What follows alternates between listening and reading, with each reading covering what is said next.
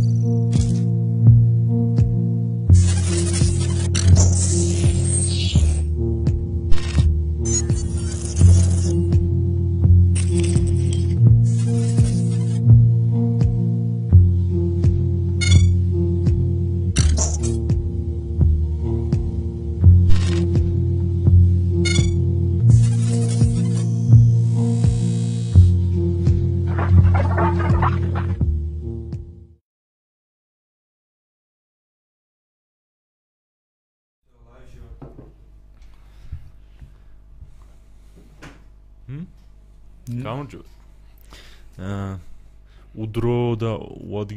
ლაივი გვაქვს. ამ დროს არ არის ხოლმე თავისუფალი ბაზარი, მაგრამ მ გამარჯობა მაინც.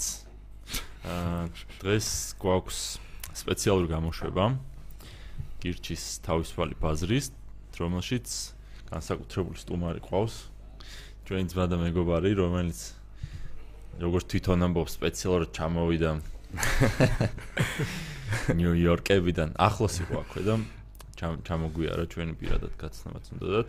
გიორგი გელბახიანი რომელიც არის ავტორი და შემოქმედი აი ჯაფარას საპრეზიდენტო არჩევნების წინ რომ კლიპი ქონდა ნიუ-იორკში რომ რაღაც ჯაფარას ბიუსტი დგას და რაღაც ხალხი ჭკუაზე რო არ არის და თელი ნიუ-იორკი რომ ბალევში კი თელი ნიუ-იორკი რო ჯაფარ ჯაფარ. და ოპოზიციას კერდა ჩვენ იმებს რო ეგონათ რომ ძალიან ბევრი ფული ჩავასხეთ მაგაში. თვალესტარი მილიონი ახალი მილიონის ბაზარია. აი ამ კაცს დამსახურება. როგორ დათო ესე დელი გადაღები ჯგუფი წავეყალეთ იქ და ეს ხოლმე ხალხი. ხო, რამოდენიმე რაღაცა წავეწყდეს ხო შორის ხო. სასილო იყო ძალიან, ნო. ანუ იდეაში ეგონათ რომ მართლა თბილისიდან გაგზავნეს ჯგუფი რომელმაც იმუშავა მაგ საკითხზე გადაიღო. და იქ ვიც კი ჩანს ყველა დაქირავებული მსახიობია ეს ფული გადაუხადეთ. პლუს ჩვენი ჩასვლა იქ მოკლედ ხარჯი იყო სერიოზული ქირაობა იქ რაღაც ეკრანზე. ო ბილბორდ ფული ფული არ გვაქვს რომ იძახითო აბა ეს რა არისო? მე მე კაი ხანი მესმოდა აა გიორგი არც მახსოვს როდის გამოჩნდა პირველად ესე გირჩის იმაში რა ქვია რა ბუნებრივად თავისით შემოძრა და მე წინასაარჩევნოთ ყოველ შემთხვევაში ჩემ ჩემ რადარზე წინასაარჩევნოთ მოხდა როდესაც გითხრა რომ აი ნიუ-იორკში ვარ რაღაც აქტიური კეთური და რაღაცები მინდა გავაკეთო თქვენთვის. კიდე უფრო ბევრი იდეები ქონდა როგორც მახსოვს ერთად რაღაცებს ფიქრობდით. უფრო შენ რა თქმა უნდა. მაგრამ არ გამოვიდა მაგრამ აი ეს რაც გამოვიდა საკმაოდ დასამახსოვრებლად დარჩა ერთ-ერთი ყველაზე ნახვადი კლიპი იყო ჩვენი. და შენი შენი წარდგენის ტევ პირველზე შენი წარდგენა რო იყო იმის ბოლოში გაუშვით როგორც ესა რა ქვია ყველაზე კამპანიის მთავარი კლიპი. კი რა რაღაც ვერსიები გთხოვეს იმადან მაგზე გაჩერდა ყველა ეგრევე. ისეთი პროდუქტი აქამდე არავის არ გაუკეთებია. ხო და აა რავი მომ გაგვეცანი მოგვიყევი შენზე ვინ ხარ რა ხარ რა გინდა გირჩი რატო მოგწონს და ან რატო არ მოგწონს ხო ნიუ-იორკში რა ხდება იქაური გირჩელები თუ ხართ რაშუებით როგორ ხართ და რა ვიცი. ხო რავი მოდი გირჩიდან დავიწყებ მაშინ. გირჩი რატო? ანუ დიდი ხანია მე ჩემ თავში რაღაც გადაფასებებს რო ვაკეთებ ხოლმე რაღაც ღირებულებებზე ხო? აა ფიქრით მიდიხარ რაღაც სწორ არჩევანამდე ხო? იმიტომ რომ ანუ ბევრი წყარო გაქვს საბოლოო ჯამში ხვდები რა არის სწორი რა არის არასწორი რა ხო და რაღაც დიდი ხნის მანძილზე მთლიანად მოწყვეტილი ვიყავი ხოლმე აქ პოლიტიკურ არენაზე რა ხდებოდა რა. იმიტომ ისე რა საქმიანო? ისე ამ წუთას პროდაქშენი თორ დაკავებული რომ გადაღებებში გადავედი. მანამდე ვიყავი ტექნიკურ სფეროში მოღვაწეობდი 5 წელი ვმუშაობდი კორპორაციაზე. ნიუ-იორკში ახლა პროდაქშენს აკეთებ. ეხა კი ეხ დავიწყე და ანუ ამ წუთას დაგეგმებში ვართ მაგის, მაგრამ მალე ვაპირებთ უკვე რომ გადავიღოთ რამდენიმე პროექტი. და ვნახოთ როგორ გამოვა, მაგრამ ძირითადად ეხა უკვე მაგ მიმართულებით მივდივარ. ოკეი. ხო. და ხო რავი ნიუ-იორკში ვარ უკვე მე-11 წელია იქ ცხოვრობ. აა და რავი მეორე სახლივით არის ჩემთვის იქაურობა, მაგრამ ეხა თავისთავად საქართველოს მაინც საქართველოს ჩვენც რა, ყველასთვის ვინც იქ ვარ ძირითადად და ყველასაც თუ ისე გული შეგვტკიო, ვადევნებთ ხოლმე თვალყურს, მაგრამ იყო რაღაც დიდი ხანი, დიდი პერიოდი, რომ აი იმდენად უინტერესო იყო ხოლმე აქ რა ხდებოდა.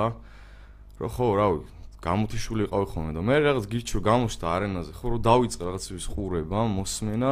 რა რა რა მომენტმა დაგიჭირა? ანუ კონკრეტულად სიმართლე გითხრა აღარ მახსოვს საიდან დაიწყო? მაგრამ ანუ თავისთავად რაღაცა ერთი ვიდეოდან დაიწყო მეორე ვიდეო მესამე ვიდეო და რო უყურებდი უსმენდი უსმენდი ხ თავისთავად ხვდები ხო რომ ანუ რაღაც პოპულიზმის ელემენტები არ მოიძებნება ანუ ეს ხალხი იმდენად პირდაპირია.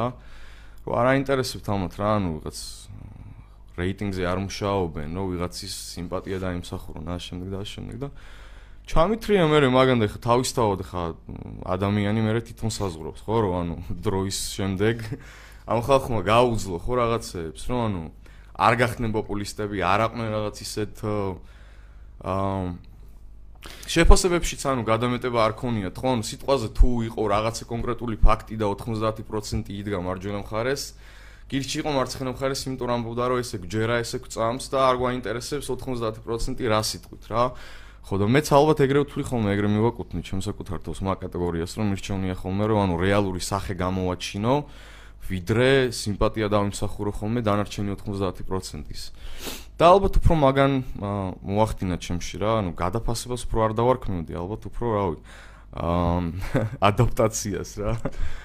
ხო და თავისთავად ხა ბევრ რაღაცას სწავლობ ხოლმე მე თვითონ გირჩისგან, იმიტომ რომ ანუ რაც უფრო მივყვები მაგ გზას, ანუ ჩემ თავში ვახტენ ხოლმე გადაფასებებს, რაღაც მომენტებში ანუ გირჩის რაღაცებს რო უსმენ ხოლმე, უფრო მეტად ხდება ხოლმე გადაფასება რაღაცეების და ანუ სწორი მიმართულებით მიყავს ხოლმე ჩემი ცნობიერებას კონკრეტულ საკითხებში რა. გარედან როგორ ჩანს, აი ხაზი თავიდან რაც იყო ის გვიჭირავს თუ შეიცვალა თუ აი რამე შეგინა ძალიან ძნელია დაინახო რა ტრანსფორმაცია გაინიცადა ხო ამ სამი წლის მანძილზე გირჩმა. რაღაც მომენტში შენი ძველი ვიდეო რო ვნახე. ის რა დაფასთანოთ გახარ და რაღაცეებს რო ხსნი. აი არ ვიცი რაღაცეებს ხო. ის შეიძლება ის გაეგო და ეთქვა რომ ო, კი, სწორს ამბობენ ესენი, ამიტომ მომწონს. რაღაც ინვესტიციების რაღაც დინამიკაზე. კი, კი, უნდა სტროგად იმან ხო და აი გარედან როგორ ჩანს რა რა როგორ შეიცვალა რამე მოხდა ეს? რავი, მე ვფიქრობ, რომ სიმართლე გითხრა, არ გადაუხვევია მაგ კურსიდან, ასაც ქვია არაპოპულისტობა რა, ეგ არის ჩემთვის ყველაზე მნიშვნელოვანი. ეხლა თავისთავად არის ხომ ხო რაღაც საკითხები, რომ ორაზროვანი არის, ერთი ფიქრობს ესე, რომ აი არასწორი ნაბიჯი გადადგეს, მეორე ფიქრობს სწორი, მაგრამ საბოლოო ჯამში ჩემი აზრით ეჭვი არავის არ ეპარება იმაში, რომ ეს ადამიანები გადაწყვეტილებას არიღებენ ვიღაცის ან რაღაცის გამო. ესე ჯერათ კონკრეტულად რა. ხო და მაგიდან გამომდინარე ყოველ შემთხვევაში ჩემ გარშემო ვინც არიან ხალხი და იგივე ნიუ-იორკში ვინც ვართ გირჩელები, აბსოლუტური უმრავლესობა ეგრე ფიქრობს. რა მაგარი ნიუ-იორკელი გირჩელები. კი, კი, შეკრებები გვაქვს ხოლმე ჩვენი პატარა იქ და უმჟელოთ ხოლმე. ვინც ვიკრიბებით ხოლმე ვიქნებით დაახლოებით რა, მაქსიმუმ 10 ადამიანები. ვინც ვიკრიბებით ხოლმე და უმჟელოთ, მაგრამ ყველა არიან ძალიან კარგი ადამიანები, ყველა არიან თვით რეალიზებული ხალხი, ვინც ვიკრიბებით ხოლმე იქ კატეგორია და ხო, რავი, ძალიან გულხმარი ხარდამჭერები არიან და ყოველთვის არიან ხოლმე მოწოდების სიმაღლეზე და ანუ ენთუზიაზმით გაჟღენთილი, რომ აი რითი შეიძლება მივეხმაროთ რა. და რავი, ყოველთვის სასეუნოა ხოლმე, ერთად დავждდებით ხოლმე, ლაპარაკობთ ხოლმე. კაი, კაი ფაქტი არის ეგ რა. კი, აუ, იქინა როგორ ჩანს ძალიან ძალიან საინტერესო ამბავია. აქ საგიჟეც რო იქიდან უყურებ, ხო? ხო, რა, იქაურ სიტუაციას თვადარებთ ხოლმე აქაურს მე ან გამოყავს ხოლმე მე რაღაც აა იქ იქ იქ როგორი როგორი პონტია აქ საქართველოსთან კონტრასტში რა რა არის უფრო აი მაგალითად ჩვენ დღეს გვიწევს იმას საუბარი რომ შენი სხეული შენია და შენი ბოჩოლა შენია და რაღაცა და ეგეთი რაღაცები. იქ რა არის ესეთი hot topic-ები? გირჩი რომ გირჩი რომ იყოს ნიუ-იორკში ბაზირებული, იქ რაზე ვილაპარაკებდით? ძირითადი განხილვის თემა ეხა რაც ხალხს თვალში ხდებოდა ყურში არის ხოლმე. არავი აი საზოგადოებრივი ტრანსპორტი, რო იქ პრობლემები არის, გადაადგილება და ასე შემდეგ და ასე შემდეგ. ანუ ეგეთი პრობლემები ძირითადად მე ყოველ შემთხვევაში არ შემხედრია რომ იყოს რაღაც hot topic-ი და განხილვის საგანი. მაგრამ ანუ იქაც არ არის მთლად დაალაგებული დაალაგებული მაგამ ბავშვი სიტუაცია თავისთავად ანუ თვითონ ნიუ-იორკის შტატმა რაღაც სვამბოლ რამოდენიმე წლის უკან მოახდინა დეკრიმინალიზაცია მარიხუანის და ეხლა უკვე აპირებენ რეკრეაციულ ეს მეტროზე მოგვიყევი. კი, კი, მეტროზე ხავ ეგ. ეგ ინიციატივა იყო მოკლედ, ანუ შარშან გამოიტანეს გარეთ, იმიტომ რომ ანუ პირველი იყო კოლორადო, ვინც გამოიყენა რეკრეაციული მარიხუანიდან შემოსული თანხა გადასახადების სკოლების კი, სკოლებში ჩადეს და საზოგადოებრივ ტრანსპორტში. იმიტომ რომ ანუ პირველ წელს მარტო შემოსავალი მარიხუანიდან იყო 1.5 მილიარდი. და მხოლოდ გადასახადები იქიდან ტაქსები იყო 257 მილიონი. და ანუ ერთ-ერთი ყველაზე წარმატებული პროექტი აღმოჩნდა მაგ ამბავში გამოიყენეს კი აბანა. ხო. როგორ წაბებში როცა ხო იცი ისინი არ აქვთ ანუ ფინანსურ ინსტიტუტებს ვერ რთავენ ბანკებს აკრძალული აქვს და кэშით დარბოდნენ. ეხლა არ ვიცი დაუშვეს თუ არა, მაგრამ кэშით დარბოდნენ და გადარიცხვის უფლებას არ აძლევდნენ და ფინანსურ სისტემაში არ უშვებდნენ რაღაცა ისინი ქონდათ რა. ალბათ რა fair trade-ის და რამხელა რამხელა ბარიერია ეგ და ეგ ბარიერი რომ მოუხსნა წარმოიდგინე მე რამხელას გაფრინდებიან. ხო და ეხლა სხვა შორის ანუ კოლორადოს მაგალითის შემდეგ მოხდა რომ ოქტომბერში იყო მეგონი კვლევა, რომ ანუ 62% ამერიკელების უკვე მხარს უჭერს, რომ ანუ რეკრეაციული მარიხუანა იყოს ლეგალური და ეგ შემოსავალი გამოიყენონ სკოლებისთვის და საზოგადოებრივ ტრანსპორტისთვის. და ეხა 62% უკვე უმრავლესობაა, ხო? და ნიუ-იორკში და ნიუ-იორკში ხო, კი, ანუ ნიუ-იორკში ქონდათ ეგეთი პროექტი მოკლედ, რომ ანუ იქ მეტრო სისტემაზე, ანუ 24 საათი მუშაობს იქ მეტრო, ერთ-ერთი ქალაქი არის. გამორჩეული მაგითი ამერიკაში რომ 24-ს ანუ საზოგადოებრივი ტრანსპორტის გარეშე იქ წარმოუდგენელია ცხოვრება. მანქანაზე ბევრად კარგი საშუალება არის მეტრო იქ. ხო და ნუ როგორც ყველგან ალბათ ხდება ხოლმე დაგვიანება, არის ხოლმე ტექნიკური პრობლემები და ნუ ნიუ-იორკელებს არ მოსწონთ თავისთავად, იმიტომ რომ ანუ ხო მილიონობით ხალხი გადაადგილდება ყოველ დღე და ეგეთი პროექტი შეადგინეს მოკლედ რომ მოდი გავაკეთოთ რეკრეაციული მარიხუანის ლეგალიზაცია. და შემოსული თანხები გამოვიყენოთ, რომ გავასწოროთ მეტროს პრობლემები. თან ხო, ანუ City Council ვინც არის იქ, ანუ აქტიურად იქაური რა, საკრებულო ალბათ რა, ეგრე ქვია ალბათ ქართულად. მაგათ მათქვის, რომ თანო პლუსო ესო იმაში იქნებაო გამოსადეგიო, რომ დასტრესილი ნიუ-იორკელებიო, რომ ნოცაენო იმდენად აღარ განიცდიან ხო რა იმდენად აღელვებული აღარ იქნებიან ცოტა დამშვიდებიან თანო მაგასთან ერთად ხო და ნუ 40 მილიარდ დოლარზე ქონდათ მაგათ ლაპარაკი 40 მილიარდი არის საჭირო რომ გაასწორონ ხარვეზები მაგრამ 40 მილიარდი კაი ბანკ ბევრი რაღაცეები აქვს კი ხო და თვითონ გუბერნატორი ვინც არის ნიუ-იორკის კუომო დემოკრატია არის და ნუ თავიდან წინააღმდეგი იყო რომ არა ვიქს gateway drugs ეძახდა მოკლედ იმას რა ქვია მარიხუანას რა დემოკრატი ხო რა თქმა უნდა და აა მოკლედ გადაფასება მოახდინა ამ ადამიანმა მას შემდეგ რაც ალაპარაკნა ნიუ-ჯერსი იმაზე რომ მოდი ჩვენ სხვა არ მივიღოთ ეს კანონი. და პლუს იყო კოლორადოს მაგალითი და შეცვალა ტონი ამის მერე. კონკურენციის ამბავი გაიჩნდა ხო? ხო ნუ დაასტრებდა ალბათ მიხვდა ეგეც ალბათ ერთ-ერთი ხო პოპულისტური ნაბიჯი იყო მაგრამ ყოველ შემთხვევაში გამართლებული თან ანუ ჩემი აზრით ორივე მხარეს დაიმსახურებდა რაღაც სიმპათიებს რა. და საბოლოო ჯამში გამოვიდა და გააკეთა ეგ განცხადება რომ ერთხელ სამუდამო ჩვენ უნდა დავასრულოთო ეს ამბავიო და გამოვხდინოთო რეკრეაციული მარიხუანის ლეგალიზებაო. და ეხა ითვლიან საშუალოდ რომ 1.7 მილიარდი დოლარი იქნება შემოსავალი წელიწადში. იმიტომ რომ ამ წუთას ამ წუთას ჯანდაცვის დეპარტამენტი ნიუ-იორკის თქვა რომ არალეგალური ვაჭრობით, ანუ მარიხუანის, ანუ ასეც ბარიგის ინსტიტუტი ეწოდება. არის დაახლოებით 3.5 მილიარდი დოლარი წელიწადში შეგ ბიზნესი. ბაზარი, ხო? ბაზარი, კი. მარტონია. ნიუ-იორკში, მარტო ნიუ-იორკში ელაპარაკო. ხო, ასე წევით ამას.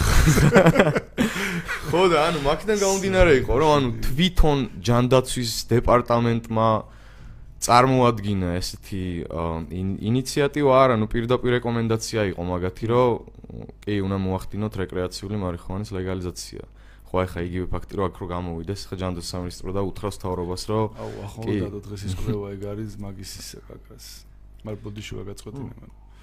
თან ნიუ-იორკში როგორც ვიცი, რაც ვაისის რაც ფილმი ნახე. რაც ხელოვნების დონემდე აყვანილი ეს რა ქვია, კანაფის მიწოდების ამბები, მოდელი გოგოები მოდიან რაღაც თესლი ფენჩის ჩანთიდან რაღაც.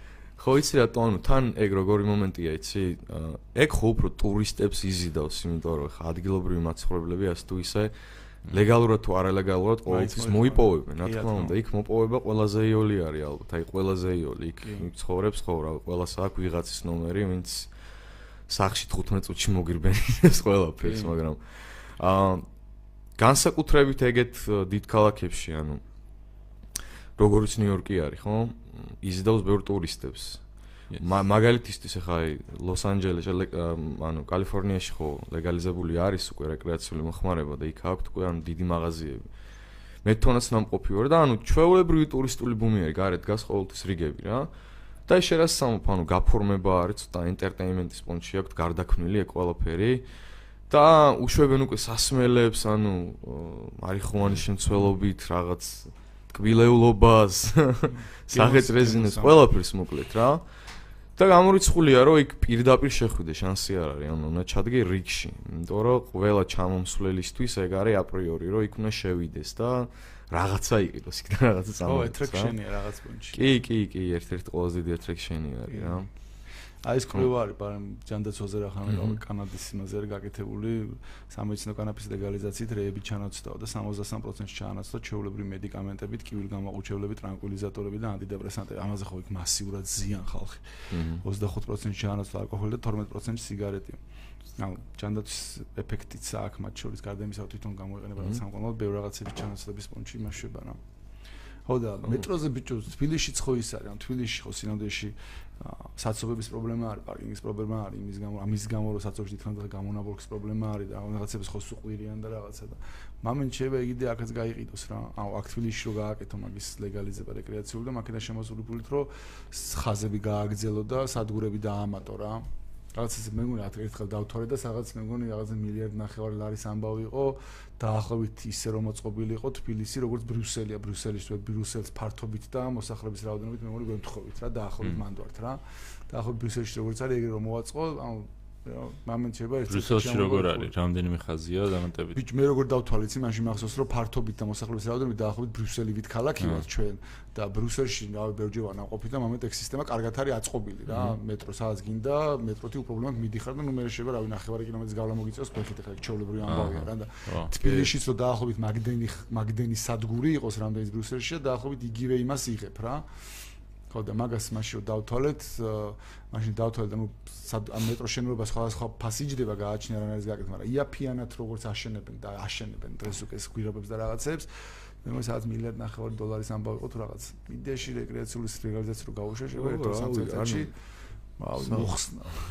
კარტ კარტ თბილისის მეტროს ყველა პრობლემა რამდენი პრობლემას ერთად მოაგვარებ რა. თბილისის მეტროს ალბათ აძურებს. რა ვიულებთ როგორც ნიუ-იორკელები. თბილისს დამშვიდება საზოგადოება. თბილისის მეტროს ალბათ აძვირებს მტკვრის ქვეშ გაძრომები და შეიძლება რაღაც ორი ხაზი აქეთ ხაზი გაკეთდეს. მტკვრის აქეთ სანაპიროსი აქეთ და თქვა რამოდენიმე ადგილას მე რაც მაგ წაკითხული არის მასკი რო აკეთებს ხო იცი რაღაცებს და იმის გათხრები მაგ ბორინგ ბორინგ კომპანი ტრადიციული თხრა და როგორც აკეთებდა რაღაცები არის სინამდვილეში ძალიან ძვირი და ეგრე არ უნდა აკეთო და რაღაცა თანამედროვე ისინი არსებობს რომელიც ბირო თუ ვიებ თხრი. პლუს მაგაზე არის სადგურებს როგორ მოვაწყობ ხა რაღაც არ ვიცი. მარმაილოში თუ ჩასვავ ძვირი ჯდება მაგრამ მარტივად თუ გააკეთებ კაფეში რო გააკეთეს გავლაბარი ქართული კაფე სტალინის დაგმარებული რო იყო წყალი ჩამოდის როგორ გაყინოთ რო გაყინოთო და ო ხედაო შენ სტალინიო მაგითო ხა მაგარია სტალინის იდეა იყო რომ გაიყინოთ წყალი რა კი. კარგი. გიქს რომ მოუბრუნდეთ ისე. აი მაგ კლიპის იდეა როგორ დაგებადათ ან ვისთან ერთად ან რა რა რატო მოგინდათ მაგის გაკეთება? ეგეც საერთოდ ისტორია რომ მოგვიყ პირველად რო გნახე რა გახსოვს იქით ოფისში ჩამოვიდა პირველად და ხარ რაღაც იდეები მაქვს რაღაცების გაკეთებას ვაპირებო და იმ კლიპში რაც არის ეგ იდეები პროსტა მითხრა რომ აი ეს რო გავაკეთო ეს რო გავაკეთო კიდე მე ყველაფერზე თავს ვქნევდი რომ წარმოდგენა არ ქონდა საბოლოოში ასაკედა ცალკე იდეაზე ყველაფერზე უთხარი რომ კი რავი ოკეი ეს თუ აეწყობოდა იქიდან არც მიფიქრია ანუ იდეი, ანუ იდეის გენერირება სადაც შეეხება, ხო, ანუ მე მომაფიქრდა თავიდან იგიდია, იმიტომ რომ წინასაარჩევნო კამპანია რომ მიმდინარეობდა, ეხლა როგორი მომენტია ეხლა მე იქ ვარ, თქვენ აქ ხართ. ხო, რავი, Facebook-ზე შეიძლება იომო კომენტარებში ვიღაცებს რაღაცებს უმტკიცო, მაგრამ საბოლოო ჯამში ხო შედეგს დიად არ მოიტანს არჩევნებზე, ხო? ანუ რაღაცნაირი ქმედით უნარიანი ნაბიჯი უნდა გადაიდგას, რომ გამოჩნდეს, რომ ამ ადამიანებს რაღაცის დაეხმარე. სულ მაგას ვატრაკებთ, რომ რამის თუ გწამთ ნებისმიერ მონსტრს ვეუბნებთ, რომ თუ შესაბამისად რამე არ გააკეთე, ესე იგი პროსტა ფიქრობ და არა გწამს და რაღაცა. კი, ეგრე არის, ხო, ეგრე არის. ანუ ჩემ ჩემ შეხედულებას ეგეთია ძირითადად, რომ მეც რომ ანუ შორს ვარ, ხო, აქედან თავისთავად ჩართული ვარ ხა პროცესებში, მაგრამ ხო უნდა გამოინახოს რაღაცა გზა არითიც, ანუ პირდაპირ კავშირში იქნები და დაეხმარები იმ ადამიანებს, ვისაც გწამს ხა. არის ხოლმე ხო ხა უმრავლესობა ქართველები სადღეგრძელოებით გამოხატავენ თავის პატრიოტობას და გეუბნებიან რომ იბერია გაფრთხილდება ამ შემდეგ და ასე შემდეგ რა მაგრამ რეალურად საქმე საქმეზე რომ მიდგება ხო ანუ ქვას ქვაზე არადებენ ეგენი რა და ჩემთვის ეგ არ არის საქართველოს დახმარება რომ პატრიოტიზმი რომ ხო რაღაც 15% შენი სადღეგრძელოების დაუთმო იმას რომ საქართველოს გამო ქვას შეჭამ რა. ანუ ეგ არაფერს არ მიცნის ქვეყანას და მე ჩემი მხრივ ვფიქრობ, რომ ანუ ეგეთ რაღაცეებში რომ ვეხმარები გირჩს, მაგითი ვეხმარები საქართველოს, რა ეგეთი არის ჩემი ლოგიკა, მაგაში მდგომარეობს, რა რომ თუ მართლა ვფიქრობ, რომ ქვეყანა წინ წაიწიოს, ხო, ესენი არიან ერთ-ერთი ადამიანები ჩემს იმ ქვეყანაში, ვინც რეალურად ებრძვიან მაგ რავი, ძალიან ცუდ ბიუროკრატიას, რა. რომელიც არის ძალიან გაღრმავებული, ხო და თუ გინდა რომ ქვეყანას რაღაცი დაეხმარო წვლილი შეიტანო, ჩემი აზრით, ხო, უნდა დაგიდნენ გვერდში, ხო, რაღაცა სახით. და ანუ მაგდროს იყო რომ ვიფიქრე, ვიფიქრე, მეთქი აი რითი შეიძლება რომ მივეხმარო რა. საბოლოო ჯამში მართლა ეგრე მოხდა რომ ქრონოლოგიურად რომ ანუ ზუსტად ეს პერიოდი იყო რომ ანუ ტრანსფორმირებას ვაკეთებდი, ანუ სამსახური დავტოვე პროდაქშენის კომპანიას ვაკეთებდი და ვა მეთქი რატო არა მეთქი რამე სახის კლიპი გავაკეთოთ რა. მე ვფიქრობდი მე აი რა სახი შეიძლება რა. რა ეს პერიოდულად მომდიოდა მომდიოდა იდეები რა და ანუ ერთ-ერთი იყო პირველი რითიც დაიწყო საერთოდ იყო ანუ ბიუსტის გახსნა. ეგ იყო პირველი რამზდამარად ანუ მეთქი ძალიან ღადაობა იქნება მეთქი რომ პირდაპირ Times Square-ზე მეთქი ჯაფარას ძეგლი გაუხსნათ რა. რომ ანუ რაღაც მომენტში უკვე ეფექტი მოყვებოდა ხალხისგან ანუ ცოტა ბნელი საზოგადოებისგან რომ იტყოდნენ რომ ანუ ხო, რავი, ნაკლები საზოგადოებრივი მოვაწეები ყავს, ამას ვერ გავუხსნა ზეგი, მაგრამ ვიდეოს ხო დააშიარებდნენ თავისთავად, ანუ ანუ ცუდი PR თუ კაი PR-ი, საბოლოოში PR-ი, any publicity is good publicity, ანუ მაგ ლოგიკით, ხო? მაგრამ ანუ საბოლოო ჯამში, ანუ როცა დაიდო ეგ უკუ ეფექტი არ მოყვა რატომღაც რა. არა ძალიან პოზიტიური კლიპი არა ხო ანუ ანუ მართლა რამოდენიმე იყო რომ ეგეთი ხო რამოდენიმე რამოდენიმე იყო მაგრამ ანუ თლიანობაში ხო ანუ უფრო პოზიტიურად წაიღო ხალხმა ეგ ამბავი მე ნეგატივი ვარ მე მარტო ეგ მახსოვს პოსტ რომ საიდან ამდენი ფული რომ ნიუ-იორკში გარდა კლიპებს ხო მე ანუ ჩვენს გიგზავნ ფორუმ ფორუმჯიზა იყო სხვა შორის გაკეთებული ანუ ტოპიკი მაგის და განიხილავდნენ ანუ ჩამოჩოთკილი ქონდათ ბიუჯეტი რამე დაჯდა კლიპის და. ძალიან გადაობდით ხო ანუ კომენტარი ხარებშიც მე რომ აი ხო ვამბობდით ბიზინა ფინანსებს ამ რაღაცები რა. ხო ხო და რავი არა გელბახა გვაქვს გელბახა ხო. ხო და ანუ რავი თავიდან იყო ეგ ბიუსტის იდეასაც გამიჩნდა. მე ანუ პერიოდულ ვამატებდი ვამატებდი რა. თავიდან ვიცოდი იდეაში რომ ანუ ეგრე ვარ ხოლმე რომ ვიტყვი სანამ არ გავაკეთებ არ მოვეშვები რა. ანუ რამდენადაც სიგიჟე და არ უნდა ჟღერდეს ხოლმე ხო, ჯერა ხოლმე რომ ანუ არ არის სტანდარტული და მაგიტოა რომ ზქონია არ გავაკეთებ, მაგრამ საბოლოო ჯამში მაინც ვაკეთებ ხოლმე რა. და ეგრე რომ მოხდა მე რომ ანუ თბილისში რომ მომიწია ჩამოსვლა, გაკრას მომგიარეთ, ხო მოვყევი ანუ დეტალებში რას ვაპირებდი. რო არ ჩამოსულიყავი თბილისში, საერთოდ არ ვაპირებდი რომ მე თქვა რას ვაკეთებდი რა.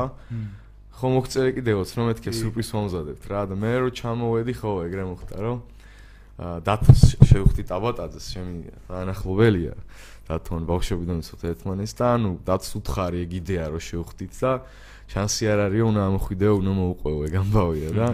კაი მეთქი ამავალ მოუყვებით ხო რა და ეგრე იყო ამოდი მოუყვევი და მე თვითონ ანუ გადაღება რომ დავიწყეთ მაგ დროსაც დავამატეთ რაღაც სეგმენტები აი იგივე პრეზიდენტების გვერდზე რომ დავდეთ პატარა ფიგურა შენი ეგ მოხდა ანუ ეგ ეგ იდეა მომაფრდა გადაღების დროს უბრალოდ რაღაც რაღაც ყიდვა გვინდოდა და რო დავინახე ფიგურები გამახსენდა რომ ვა მეთქი აქ რო ჩავამატოთ ეს მეთქი ძალიან კარგად წაიღებს ეგეც და სპაციოს ერთ-ერთი გადაობა იყო მე რომ ანუ ფასი დააკრავინეთ მაგას და დავაწერეთ 36 დოლარი. და ბევრმა ეს აღიქვა რომ ანუ რატო ის ესე ზვირია არა და იდეა იყო რომ 36 ნომერი არის რა. და ანუ სიმბოლურად დაუკავშირეთ ეგ კი და ყველაზე ზვირი იყო. და ყველაზე ზვირი ღირდა ხო რა. ხო და ანუ სონი 2 დოლარი ჯაფა 36 მაგიტო ხო ანუ რამოდენიმე დღე ვიღებდით ფლიანობაში ეს არისო რომ ერთი დღე მივედით და დილას დავიწყე საერთოდ დამთავრე ვამატებდით და ვამატებდით იდეებს. რა იქ ვიღაცა რო ცეკვავდა კიდე ეგ მე მოგვაფიქრეთ და წამოვიღეთ. გადავჩეხეთ, გადმოვჩეხეთ მოკლედ რა, ანუ იქ ბილბორდის თემაც კიდე, ანუ ხშირად ხვდებოდა ეგეც მე კომენტარებში, რომ ანუ გრაფიკულად არის აწყობილიო და სინამდვილეში გრაფიკულად არ არის აწყობილი, რეალურად გავიდა ეგ ამბავი რა.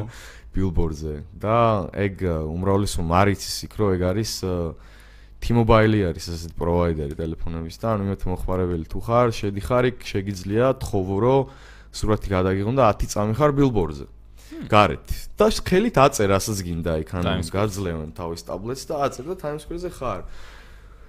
და ანუ ეგ რესურსი ვიცოდი, მაგრამ არ გამომიყენებია და ანუ ზუსტად მაგამ ბავში გამოვიყენე, რომ მეთქი ხო ვინი ფიქრებს, რომ ამაში ფული არ გადაგვიხდია რა. და ალბათ იმდენად წარმოუდგენელი იყო, რომ გრაფიკაა შანსი არა რომ გასულიყო არა და გავიდა კი, ანუ ტელეფონებითაც ვიღებდით გარშემო და რავი, დღემდე გვაქვს ეგ მატერიალი თუ რამე შეგვიძლია ნებისმიერ დროს გავუშვათ, ან მეორედ გავაშვებინოთ რა. ხო, და ხა იმათ რა იცოდნენ ჯაფარა პრეზიდენტად დავაწერეთ თუ არა, ისინი გარტყმაში არ არიან, ეხა ვიღაც Times Square-ზე დგას. ხო, ვიღაც ჯონი მარიცის რა ხდება რა. ხო, ტაქსზეც ანუ ტრაფარეძეს ეგ ამბავი იყო, რომ გავაკურევინეთ. თხოვეთ უბრალოდ ერთ-ერთს. ეხა რეგულაცია ეგეთი, ეგეც ხო ხა რეგულაციების ქვეყანაა თუ ისე ამერიკა, ხო? Ну რეგულაციები არის მაგრამ თავისუფლება ანუ არ გზღუდავენ იმდენად. რეგულაციის ფარგლებშიც თავისუფალი ხარ ჩემი აზრით იქ. მაგრამ რეგულაცია ეგეთი რომ თავისთავად ახლა ანუ კერძო კომპანიებს ეკუთვნით ეგ პატარა ბილბორდები რაც ამაღლა ხო? და აა იმათ უნდა დაუკავშირდე მე იმათგან ლიცენზია აიღო 1000 რაღაცეები იჩალიჩო მაგრამ მონახეთ უფრო მოკლე გზა რომ ანუ გადავუხადეთ რაღაცა თანხა ერთ-ერთ ტაქსის მძღოლს და უთხარით რომ უბრალოდ ჩაიარე. ჩაიარე. აქედან აქამდე. ჩაიარე ხო. და ეგრე ჩაიარა და რაც დასფიქსირებელი იყო დავაფიქსირეთ.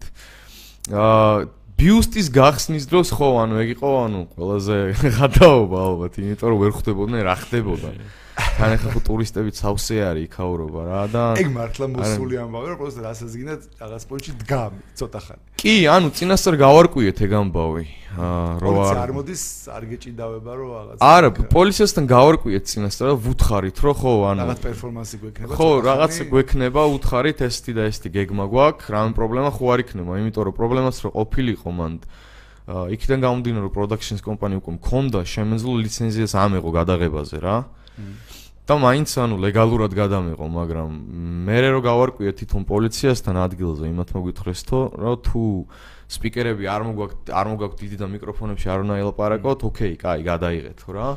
ხო და ეგრეც მოხდა, რომ გავუშალეთ იქ ყველაფერი. და ხალხი ვინც იყვნენ, ხო, დაქირავებული ნამდვილად არ იყვნენ, ანუ ჩამლელი ვოს ტურისტები იყვნენ ღმერთმაიცის რომელი ქვეყნებიდან, რა. უბრალოდ ხო იცი ცნობის მოყარეობა აქვს ხოლმე ძალიან მაღალი იქ, რომ ანუ Times Square-ზე ყველგან ჩერდებიან, selfie-სტიკები დადიან, რაღაც ხდება, ყველგან იღებენ, ყველაფერს განსაკუთრებით ჩინელები, ჩინელები ყველაზე გიჟები არიან, მაგრამ ბავში ხო ქვარო დადო იმასთან მივნა selfie-ს გადაიღებენ, ეგრე არიან, რა. ხო და შეუკრებეთი გარშემო ანუ ერთადერთი ეგ იყო რომ ანუ ყველაზე მეტი ხალხის დახმარება დამჭირდა. ანუ ჩემი მეგობრები ბევრი მეხმარებოდნენ. დაახლოებით 4-5 კაცი ვიყავით მობილიზებული მაგ დროს რა.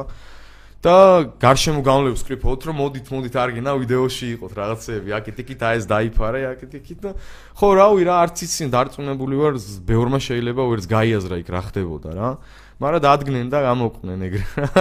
და რამოდენიმეჯერ ჩავწერე თვითონ ვინც ილაპარაკა, სპიკერი ვინც იყო, ვინც გახსნა ეგ ცერემონია. ეგ არის ჩვენი მეგობრის თანამშრომელი და იქვე მუშაობს თანასკერზე ერთ-ერთ საფინანსო კომპანიაში და ჩამოდი ჩამოდი მეთქი რაღაც გჭირდება ამერიკელი სპიკერი მეთქი რა რომ ჩამოვიდა იდეა აუხსენით რა და კი სერიოზულად ასრულებს. ხო და ტექსტი იქვე დავწერე ანუ გზაში ვწერდი მაგდეს მე დავწერე ეგ ტექსტი რა რომ მეთქი ხა როგორ შეიძლება სტამაღელვებელი ხას რა და რაც იყო ეგრევე იქვე ამობეჭდეთ მივაწოდეთ და ანუ ეს წაიკითხა ამ რამოდენიმეჯერ რომ გაიაზრებინა რას ამბობდა აქეთ იქით და რამოდენიმეჯერ ჩავწერეთ ეგ დუბლი რა.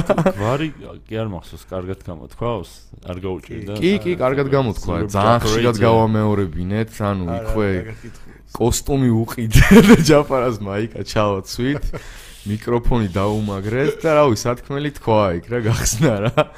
ბიუსტი და ანუ რომ მორჩ, ანუ რომ მოვრჩით ხო ან გადაღებას და უკვე რომ წავიღეთ ეს ყველაფერი უმრავლესობასთან გვეცვა ან ჯაფარა პრეზიდენტთან ლოგო გირჩის მაიკა გირჩის ლოგოთი და ერთი მომენტი იყო რომ ანუ რო ჩავიარეთ ანუ ერთ-ერთმა შემოგხედა და გვიყურებდა ძალიან გაოგნებული რა და აშკარა სახეზე ქართველი იყო რა და ვერ მიხვდა რა ხდებოდა ალბათ რომ ანუ ჯაფარას ბიუსტი მიგვაქვს ჯაფარას პრეზიდენტია ტაიმს სკვერზე ანუ ვერ მიხვდა ალბათ რა ხდებოდა საერთოდ რა ну ალბათ რამოდენიმე ხნის მერე გაიგებდა მაგის გაბაზრებულია რომ ჩვენი ჩავედით პროდაქშენით ალბათ კი დიდი სასტავი კი კი ხო ერთი ვიდეოც გამომიგზავნეს მე განიხილავდნენ რაღაც მაგ ვიდეოს რა და იქაც ამბობდნენ რომ ანუ კი იმან განიხილავდნენ რა ქვია ანტიდოტი რო არის მაგათ ხო ჩემ მეგობარმა გამოგზავნო ვიყურე მაგას მაგრამ ხო იგივე ფასზე ანუ ფიგურის ფასზე იყო გამხილები ყურადღება რატო ასეთი ზვირი მე რე ანუ მაგაზე ხო ჩვენ რო ნიუ-იორკში შევსულიყავით უფრო სხვანაირად ვიზავდით თუ არა ხო? რავი არავინ არ ჩავსულოთ ყველა იქ ცხოვრობთ და ერთი დღეს არ ყოფილა გადაღება რამოდენიმე დღე იყო. MM-დემსეც ანუ MM-დემს აუ ეგ იდეა მომწონდა ძალიან თან ძალიან გემრიელიც იყო. თუ გახსოვთ ის იყო საარჩევნოთ ისინი ქონდა ჯაფარას სახიანი MM-დემსები ქონდა რომელიც ასევე გელბახას დამზადებულ გამოგზავნილი იყო. ხო ეგეც დარიგების გარეშე შეიძლება ხო, ეგეც ეგეთი პონტი იყო, რა, ნემდენ სააქ ეგეთი სერვისი ერთ-ერთი შეიძლება შეუკვეთო ეგრე და ახატინო რაც გინდა. მაგრამ ქართულ რეალობას შეიძლება ეგეც სხვანაირად აღიქვან, რომ აუ აი იმდენი ფული აქვს, რომ იმდენ შეუკვეთის რაღაცა, არა და ხო ეგ არ დაგიგებია. ყველას ვარწმუნებ, რომ ყველას ვარწმუნებ, რომ ხო, რა ვიცი, ძალიან ცოტა ჯდება. რომ აუ ესენია. ხო, და რა ვიცი, მთელი მთელი ბიუჯეტი რაც დაჯდა მაგის გადაღებად, არწმუნებული ვარ, იმაზე ნაკლები იქნება, რომ ვიდრე ერთი დღე ვიღაცამ ერთი დღე კამერა იქირაოს. კი, ეგ დაგვიგებენ, მაგას დასერჩავდნენ ემენდებს ის parent company რა რაღაც და ბოლოს იყო რომ ძმები ყოხები აფინანსებს. ბაფეტზე არ ვიღაცაზე გავიდოდეს სოროსი ხო საბოლოო ჯონის სოროსი აფინანსებს. ბიძინა მაგიტო ერეხება რომ იმათ აქვს დარეკილი. ხო ხო. ერთი იდეაც ქონდა სხვა შორის ვეღარ მომასწარეთ ანუ პეპსიზე გვინდოდა დაწერა რომ ყველაფერი დაიწყო პეპსიდან ანუ ვიდეო რო არის ერთი. ანუ ვეღარ მომასწარეთ ეგეც რა რომ ეგეც დაგვერიგებინა ის იდეაც ქონდათ რა ქვია შენამდე არის თუ მოვიდა ალბათ მოვიდა და შენ რო სუპერჰირო უნდა ყოფ კიდე კი ეგ მე დავწერე ეგ იდეაც კი. ეგ დღემდე ხო რავი სახში მიდევს ეგ. ჩასლაზე კი. მართლა ეგრე არის. მაგრამ ხო იცი მაგის გადაღებას ჩვენ ვაპირებდით ისევ წინასაარჩევნოთ რა. ხო და ანუ ცოტა დრო იყო დარჩენილი არჩევნებამდე და მე ბოლოს ვიფიქრეთ მოდი იცი რა მოდი შემოვინახოთ ეს რა იმიტომ რომ კიდე დაგჭირდება. გასროლის იმიტომ რომ ხო რა იმიტომ რომ ანუ რაღაც ბევრი მაიკებიც დაუმზადებინეთ მაგაზე რა ანუ როგორი მაიკები იყო იცი?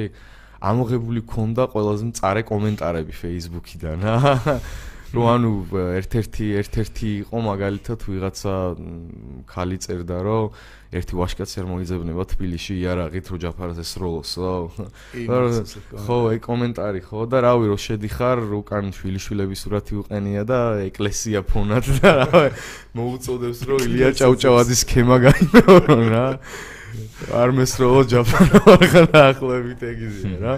ხო და რავი, რამოდენიმე კიდე რა, ანუ რუსული ფონტებით რო წერენ ხოლმე რა, გირჩი რაღაცეები რა. სატანა. სატანა ხო, რაღაცეები. ეგეთი ეგეთი კომენტარები ქონა ამოღებული და იმ სცენას აღარ მოუყვები რა, შეგვინდა რომ გამოვიყენოთ ეგ ამბავი რა, იმიტომ რომ შემოვინახოთ.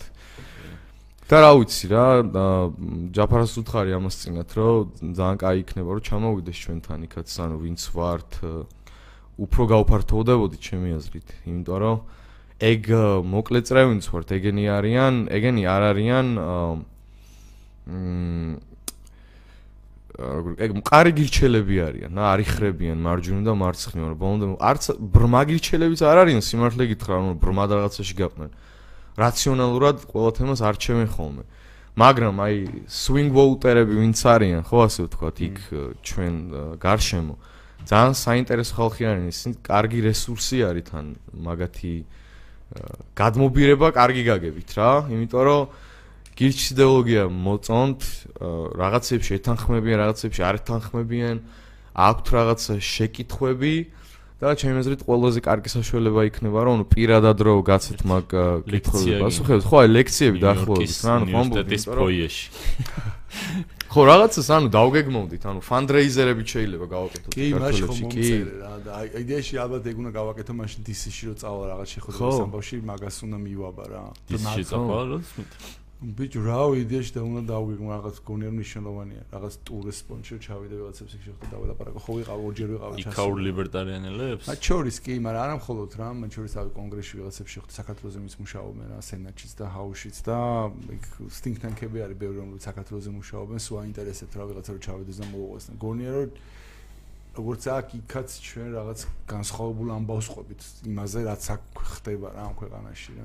კი კი მარტო კი არა ანუ ლიბერტარიანელი არის ერთი იქ ნიუ-იორკელი ლერი შარპი ესეთი პოლიტიკოსია ხო და ჩვენ ვიძახით ხოლმე ნიუ-იორკელ ჯაფარას მაგას რა აი მართლა რა ანუ მაგათ მაგის ვიდეოებს რო გადახდეთ ხო ანუ დიდი პოპულარობით სარგებლობს სოციალურ ქსელებში ანუ დიდი პროცენტი ვერ აიღო ხა კენ სიყრიდა მეც ხმა მივეცი როგორც ლიბერტარიანს თან ანუ კაი როჟაა თო მთლიანობაში რა.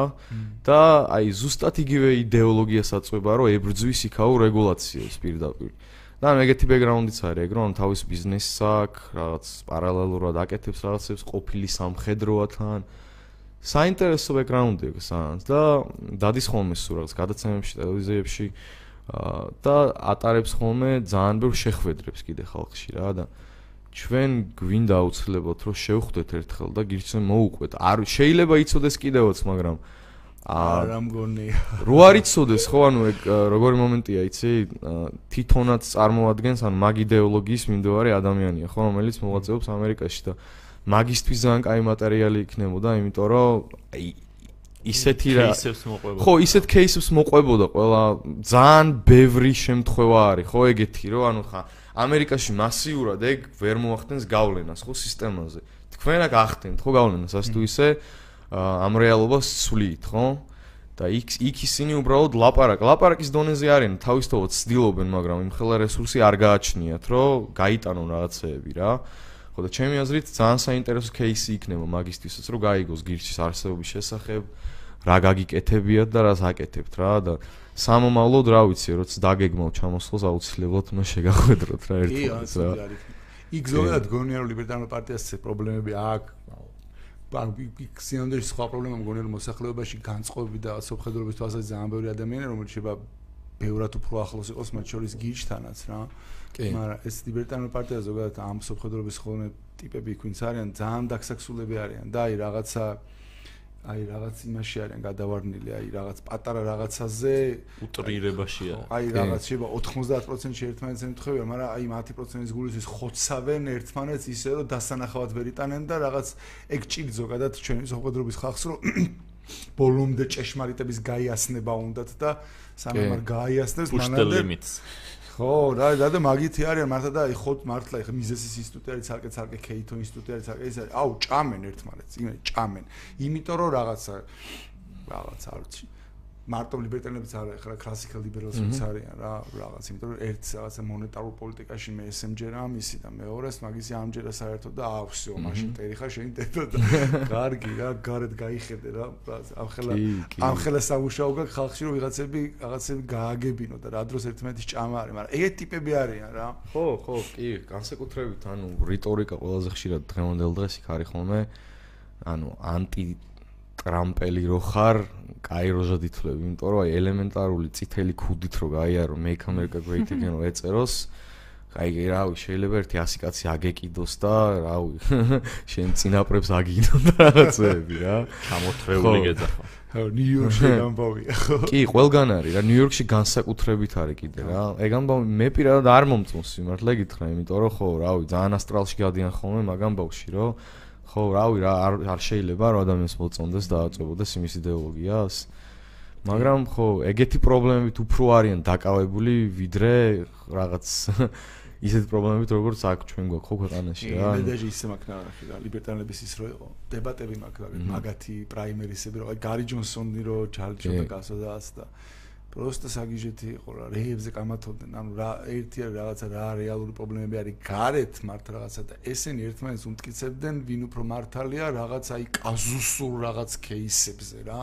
და მაგაზე ხოცავდნენ ერთმანეთს და თან აუდიტორებს ეგეთი ყავდათ რომ ტარს უკრავდნენ იმას ვინც უფრო ყველაზე რაღაც იმას რადიკალურ ასს იტყოდა. ო, რავი, აი.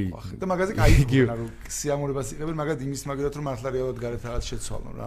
უცნაური ხალხი არის. მაგიტოა სინამდვილეში რაღაცა პროცენტს იღებენ და რაღაც იმის გამო რომ სასამართლო თემაზეც ძალიან გადაობა, ანუ გადაობა ხო ისეთი ცოტა ცუდი ნათქვამია ალბათ მაგ კონტექსში, მაგრამ აა აქ როგორც ახლა მოსამართლეების თემა როგორც არის ხო ეხა რო ანუ ვიღაცას უნდა და ესე უნდა იყოს და ნიშნავენ სამუდამოდ მოსამართლეებს იქ იყო რამოდენიმე თვის წინესტი შემთხვევა რომ ნიშნავდნენ Supreme Court Justice ანუ ხო უმაღლესი უზენაეს სასამართლოს ხო მოსამართლეს და ვინც იყო კანდიდატი ის კავანო იყო კავანო გვარად და ანუ რო წარადგინეს ხო სენატში მოსმენები რო ქონდათ ტიპს ამოუგდეს რომ 40 თუ 45 წლის წინ კოლეჯში რო სწავლობდა 18-19 წლის რო იყო ვიღაც დათრნენ და ვიღაცა გოგოს წინ ჩაიხადა შარვალი.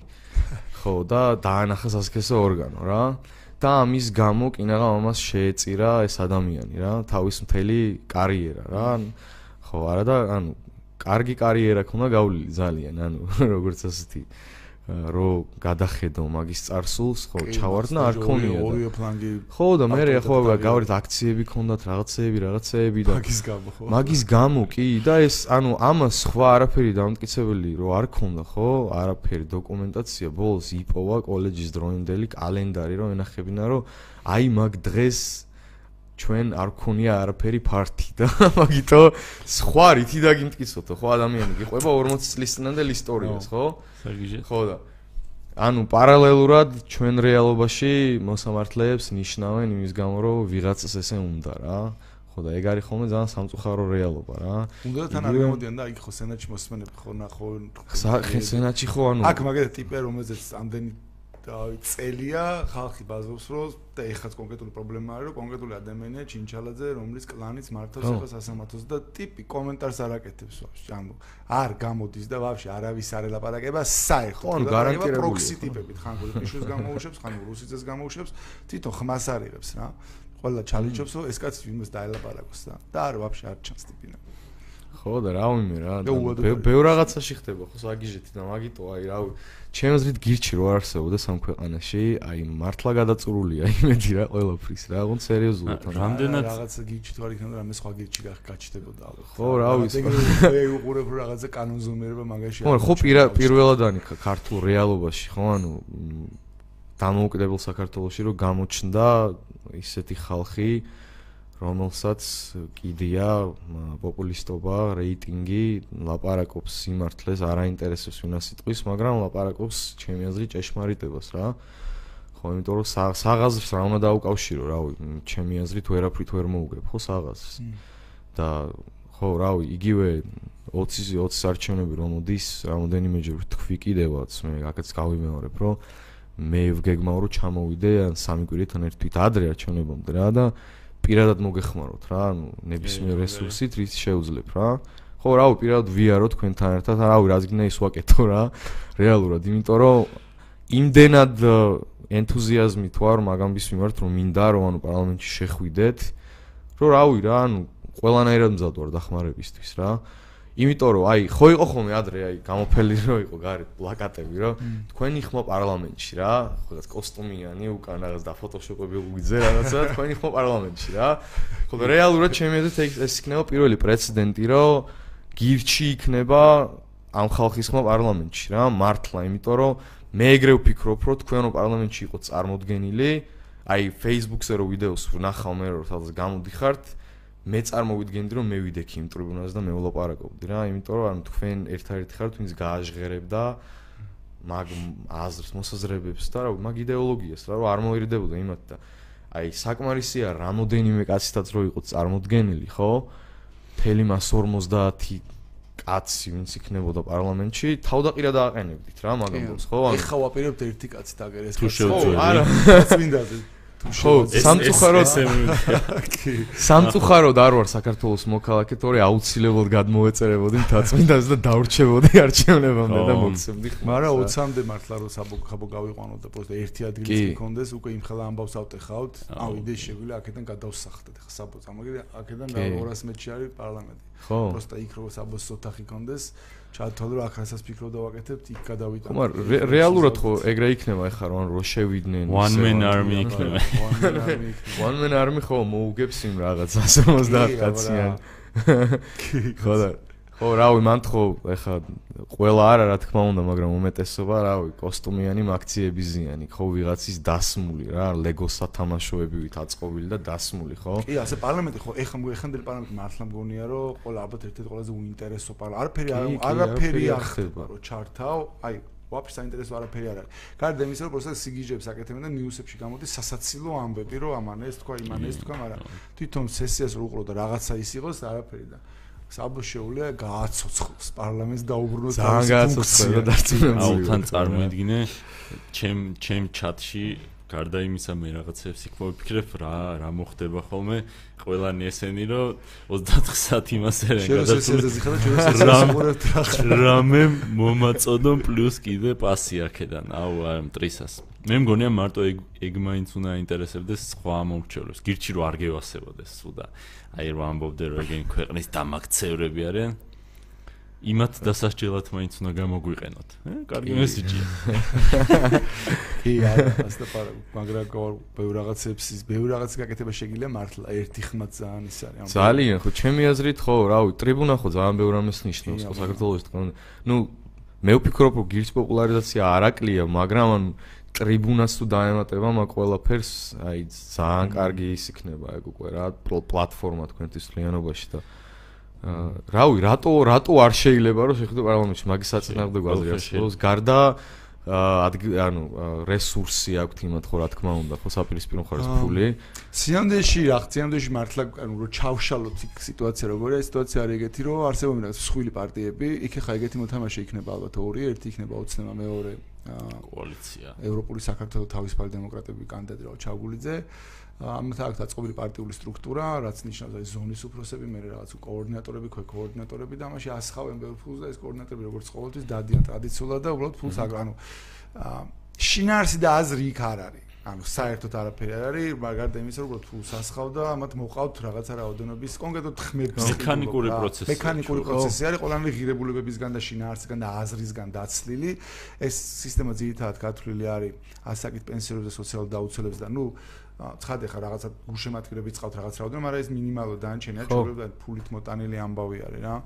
ხო და მაგას უნდა დაუპირისპირდე და ჩვენ რაცაც ჩვენ ხა მან რესურსული ომი ვერა გვაქვს ხა და არც გვინდა ხა სიგიჟი არის მაგის ფული როს კონდეს მაგაში არ დავხარჯოთ. ეგ სისტემა ავაწყოთ რა. ეგ შეცდომა ერთხელ დაუშვით ადრე და. ერთად შანსია რომ იმათ საპირწონეთ ჩვენ სხვა ხალხი გამოვიყვანოთ ანუ იქ ეხა თუ არის რა 53000 ამორჩეველია ბოლოს მე მგონი საპრეზიდენტოზე 26000 ლარს გამოსული ხო ხო ეს მაღალი აქტივობა იყო. ეგ რიცხვების ანახავი მაგ დღეს ის ვიდეოს გაკეთება მაინც და აა სიამდეში ვინც გამოდიოდა ეხა ამ არჩევნებზე, იქ ვინც გამოდიოდა ჩვენ ყავს ჩვენი ელექტორატი, საპრეზიდენტოზე ავიღეთ რაღაც მე 8% და რაღაცა 8%-ამდე ავიღეთ და ჩათვალე მაგას უნდა დავამატოთ კიდე ხალხი რომელიც არჩევნებზე არ გამოდის და ისინი გავაღვიძოთ ძირითადად ახალგაზრდები და უთხრათ რომ ოე წამოდით თორე რავი ხვალ ენა წაგისვამენ და ჩაქსავენ ერთ წელი ციხეში ან არის ჯარში წაგიყვან ან რავი 1000 სიგიჟეს დაგმართავენ. ჩვენ რაღაც პონჩი გიცავთ რა ეგ ხალხი ყავს გასაგვიზებელი სინამდვილეში ხა არჩევნებამდე ჩვენ რომ იმათ საპირწონეთ ვიღაცები გამოვიყვანოთ რომ ისო ხა ჩვენ დავიწყოთ არ ვიცი პენსიონერებისთვის ახსნა რომ საბო გავა პარლამენტში და პენსიებს გაუზის ჩეულებრივი იდიოტობაა ხო ეგეთ რაღაცას ვერ ვშვებით ან არა ჩვენ აზრებული ტყუილო ხო რა ძალიან ის არის უნამუსობა არის ეგეთ რაღაცების ლაპარაკი. ხო რა თქვენ უკვე რაც შეძელი ჩემი აზრით ანუ გირჩის არსებობის განმავლობაში დამოუკიდებელ საქართველოსში რა ადამიანის თავისუფლებისთვის უფრო მეტი ვისა გაკეთებული მე ეგეთი არ მომდის რა თავში რა. დამოკიდებულის მე ალბათ ბენდუქიძე იყო ვისაც ბევრია გაკეთებული ოღონდ გაკეთე ჩვენ მე მგონი პროსტა ბენდუქი ბენდუქი არა ადამიანის თავისუფლებისთვის კი ოღონდ ბენდუმ რაღაცა რეფორმები ბაგეთ გადასახადების დააკლება რეგულაციების გაუქმება ხო ცხადე უბრალოდ იმს აკეთებდა და თვითონაც მასთან უთერთო მქონდა მაგის დრო არ ქონდა რომ ეს რაღაცები აეხსნა იმიტომ რომ ცდილობდა დროზე მოესწრო რაღაცები. გაგებინების ამბავში ადამიანის ვინმეს აეხსნა სინამდვილეში ეს რა არის და რატო არის მნიშვნელოვანი რაღაცა, მეც გონია რომ აქემდე ეგ სამუშაო არავის არ ჩაუტარებია, ჩვენ პროსტა ტუპა დავიღეთ და კასკები დავიხურა და დავიწყეთ მაგის ახსნა რა. და კი, მაგხრი მე მგონი ბევრ ადამიანს გავაგებ. ო, რავი, ანუ იგივე, ანუ ბიბლიური თავისუფლება არის ჩემი აზრით ერთ-ერთი მე რეფორმას ვეძახი მაგას რა, ეგ არის რეფორმა ჩემი აზრით, აბა რა არის რა. კი, აბა რა. ხო, რეფორმა არის რა, რომელიც გაატარეთ თქვენ და არა სახელმწიფომ რა. ხო, იმიტომ რავი, მე მე მაგალითად ხშირად მსმენია, რომ კომისარიატში არიან ხოლმე კორუმპირებული ხალხი, ვინც თუ ნახე დღეს დაიჭირეს ქუთაისის კომისარიატის უფროს. არა, არ მინდა. მანამდე წანიში დაიჭირეს ერთი საბურთალოზე დაიჭირეს ერთი სეთი, აი მეოთხე დაიჭირეს უკვე რა. ხო რა. ებენ და იჭერენ და იჭერენ. ხო, იმიტომ რომ არ გამიგია მსმენია, რომ მაგალითად 2000 ლარი ხოლმე გადაუხადა სახელმწიფოს დაგიხსნა და ისინი ეუბნებიან, რომ 1000 გადაიხადე, თორე სხვა გზა არ გაქვს რა. ეს 400 ლარად მუშაობდა. ხო. მე იაფე იყო ხო ცოტა. აა გავაგდეთ, ფასი გავაგდეთ, გავაიაფე. აა, ბაზარი ხო, ანუ რაღაც პონჩი თქვენი დამსახურებაა, ხო, ფასი რო დაეცა რა. ფასის გაფუჭება ქვია მაგას. დემპინგური ფასით შევედი. იმის რა ქვია, ხადურის უצება უნდა დაგვაჯარიმოს მაგის გამო. ხო, ანუ იგივე მეც მე 15 წლიდან აღარ ვცხოვრობ საქართველოში და წასული რო ვიყავ ხოლმე, ხშირად ხდებოდა რომ მირეკავდნენ ხოლმე სახლიდან მეურევნა და კომისარიატიდან მოგაკითხეს დაგიტოვეს ეს გაწვევის რაღაც საბუთი.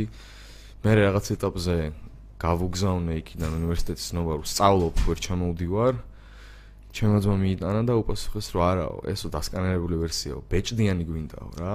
სველი ბეჭდი. ხო და ხო აპოსტელი დაუწევული ალბათ რა. ხო, ეგ უკვე რომ მე უთხარი რომ გადაეცით რომ ხო, ჩააფურთ ხო რა, ანუ კაცი კარგად მე აღარ ჩამოვალ და მაგის შემდეგ ხო, მე მგონი სასამართლოზეც ვიყავი დაბარებული თუ არ ვცდები, რაღაც სიგიჟეები რა 1000, მაგრამ არ გამოხმაურები რა დროს მაგას და მაგის შემდეგ უკვე ამერიკის მოქალაქეობა მივიღე და რო ჩამოვედი ხო არავის არაფერი აღარ უთქვია. მე თვითონ მინდოდა ჩემი ფეხი თავსულიყავი კომისარიატში რომ მე თქვა რომ აბა რა გინდათ რა ხდება. მაგრამ აი თქვენას საკეთებთ ხო აი ბიბლიური თავისუფლებით აი წარმოიდგინე მე რო ყოფილიყავი იგივე რეალობაში მაშინ და უბრალოდ ტურისტულად ტურისტულად რა ანუ მე სწავლა იქ და უკან დაუბრუნებულიყავი მეც ხო სხვა გზა არ მექნებოდა რომ ხო, ამეღო ბიბლიური თავისუფლების მოწმობა. ეხაც მაგ, ხო. ნიუ-იორკის მიტროპოლიტის წოდება მაგ, ხო. ბელბახა ნიუ-იორკის მიტროპოლიტია. ნიუ-იორკის მიტროპოლიტია, ამიტომ თუ ვინმეს ნიუ-იორკში უნდა კურთხევა შეუძლია მაგითხოს რა. ხო და მართლა საერო საქმეა ალბათ ეგ რა, ხო ეგრეა, რეალურად ეგრეა, იმიტომ რომ კი, მეგორი ეგ საბოლოოდ დამთავრდება იმით რომ გავაუქმებთ. გავაუქმებთ ხო, ან მაგ ალტერნატივა. ხო, აბა ეხა ეხა რაც გამოიტანეს ინიციატივა, რავი, ეს მარაზმი რაც იყო წარმოქმნილი პარლამენტში, ეგ ხო რაღაც აი, რავი, არც ვიცი ხო, რავი, ცოტა ბილწი სიტყვები მაფიქრდება, ეხა არ ვიტყვი მაგაზე, რაც მაგ ინიციატივას ქვია, მაგრამ აი სისულელი ხო ანუ პირდაპირ დისკრიმინაციაზე მიდიოდნენ ხო ადამიანები იმის გამო რომ დაეცვათ საპატრიარქოს ხალხი ხო შაუჯიპიანი საზოგადოება რა.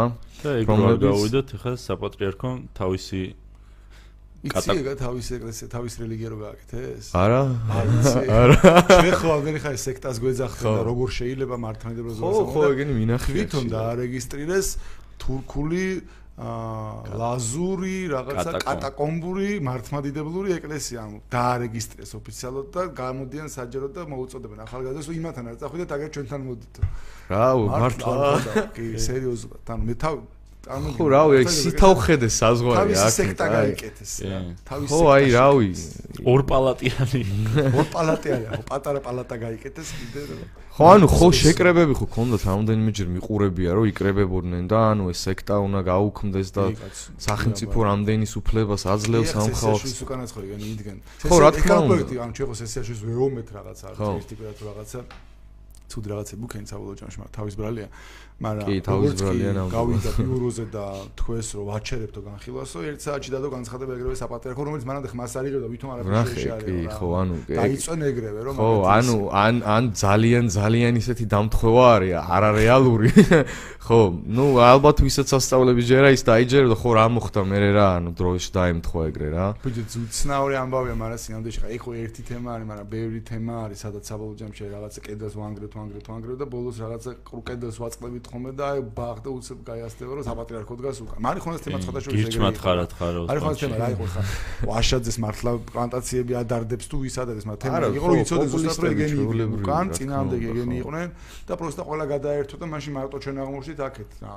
ოცნების ინიცირებული დაჟე სამედიცინოს ნაწილი რო იყო, ოცნებაც იქით გადავიდა მე საბოლოო ჩვენ დოჩი დაკეთ მარტო და ყველა იქით იყო იმიტომ რომ კი, კი, მახსოვს. საპატრიარქო და ყველა თემაში სადაც მართლა რაღაცა თავისუფლებისთვის რაღაცა გინდა გაანგრიოს, ხშირად არის რომ აი ბოლოს მაგათ ვეჩეხებთ რა. ჩემი, ანუ ხო, ჩემი აზრი ეგეთი არის მაგალითად რომ მეც ეგრე ვთვლი რომ ხა რაც არ უნდა რავი, ცუდა ჟღერდეს ან ნეგატიურად, თქო მე ვფიქრობ რომ საპატრიარქო არის დამაბრკოლებელი საქართველოს განვითარების და პროგრესის რა, ანუ მაგ კონკრეტულ ნაწილებში, იმიტომ რომ ეგენი ებრძვიან, ეს უფიქრობ თავის თავისუფლების ეშინია.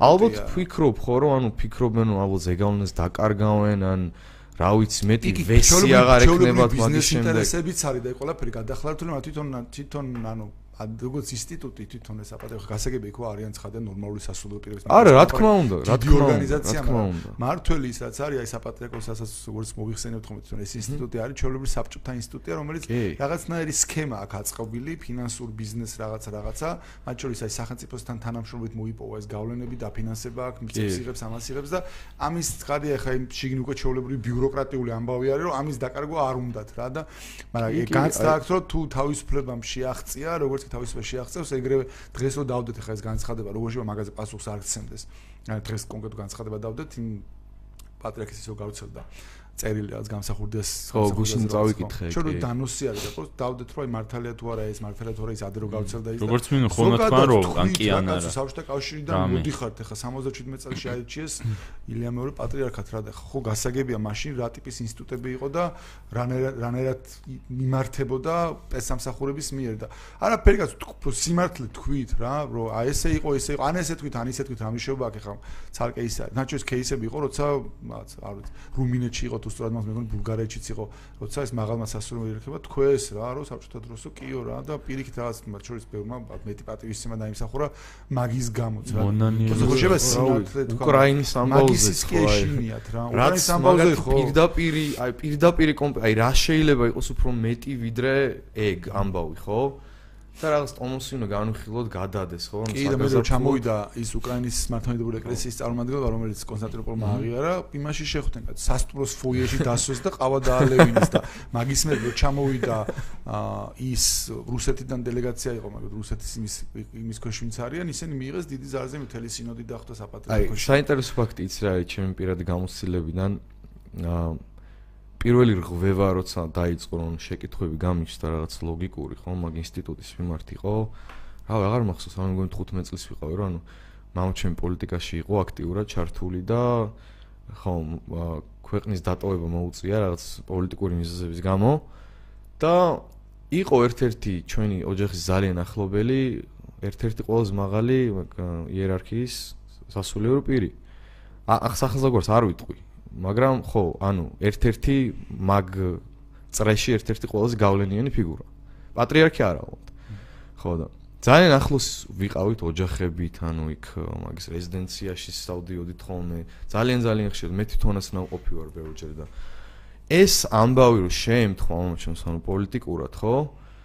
აა ეს პიროვნება საერთოდ რადარიდან გაქრა, არც მოგვიკითხა ოჯახი, ხო? ხო და ანუ მე მესმის ახლა იყო კატეგორია ხალხის ვინც შეგვაქცია ზურგი და პოლიტიკური დივიდენდების ამბავი მგონია ეგრო ხო თავს იკავებდნენ რომ რაღაცაში არ დაზიანებულიყვნენ გასაგებია ეგ ახსნადი ფაქტია.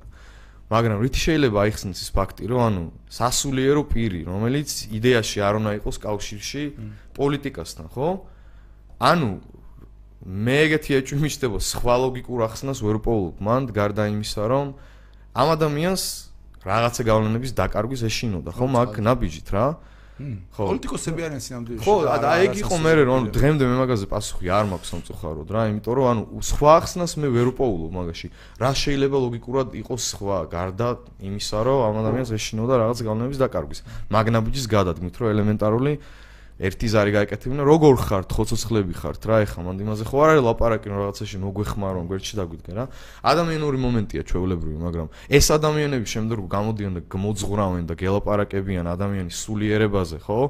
სასვიცხვილოა ჩემთვის მე ეგეთი რაღაცეები. და მე მაგ ინსტიტუტში მე ეჭვმე პარება და და მე იმ ინსტიტუტს მე პატივს დიდად აღარცემ.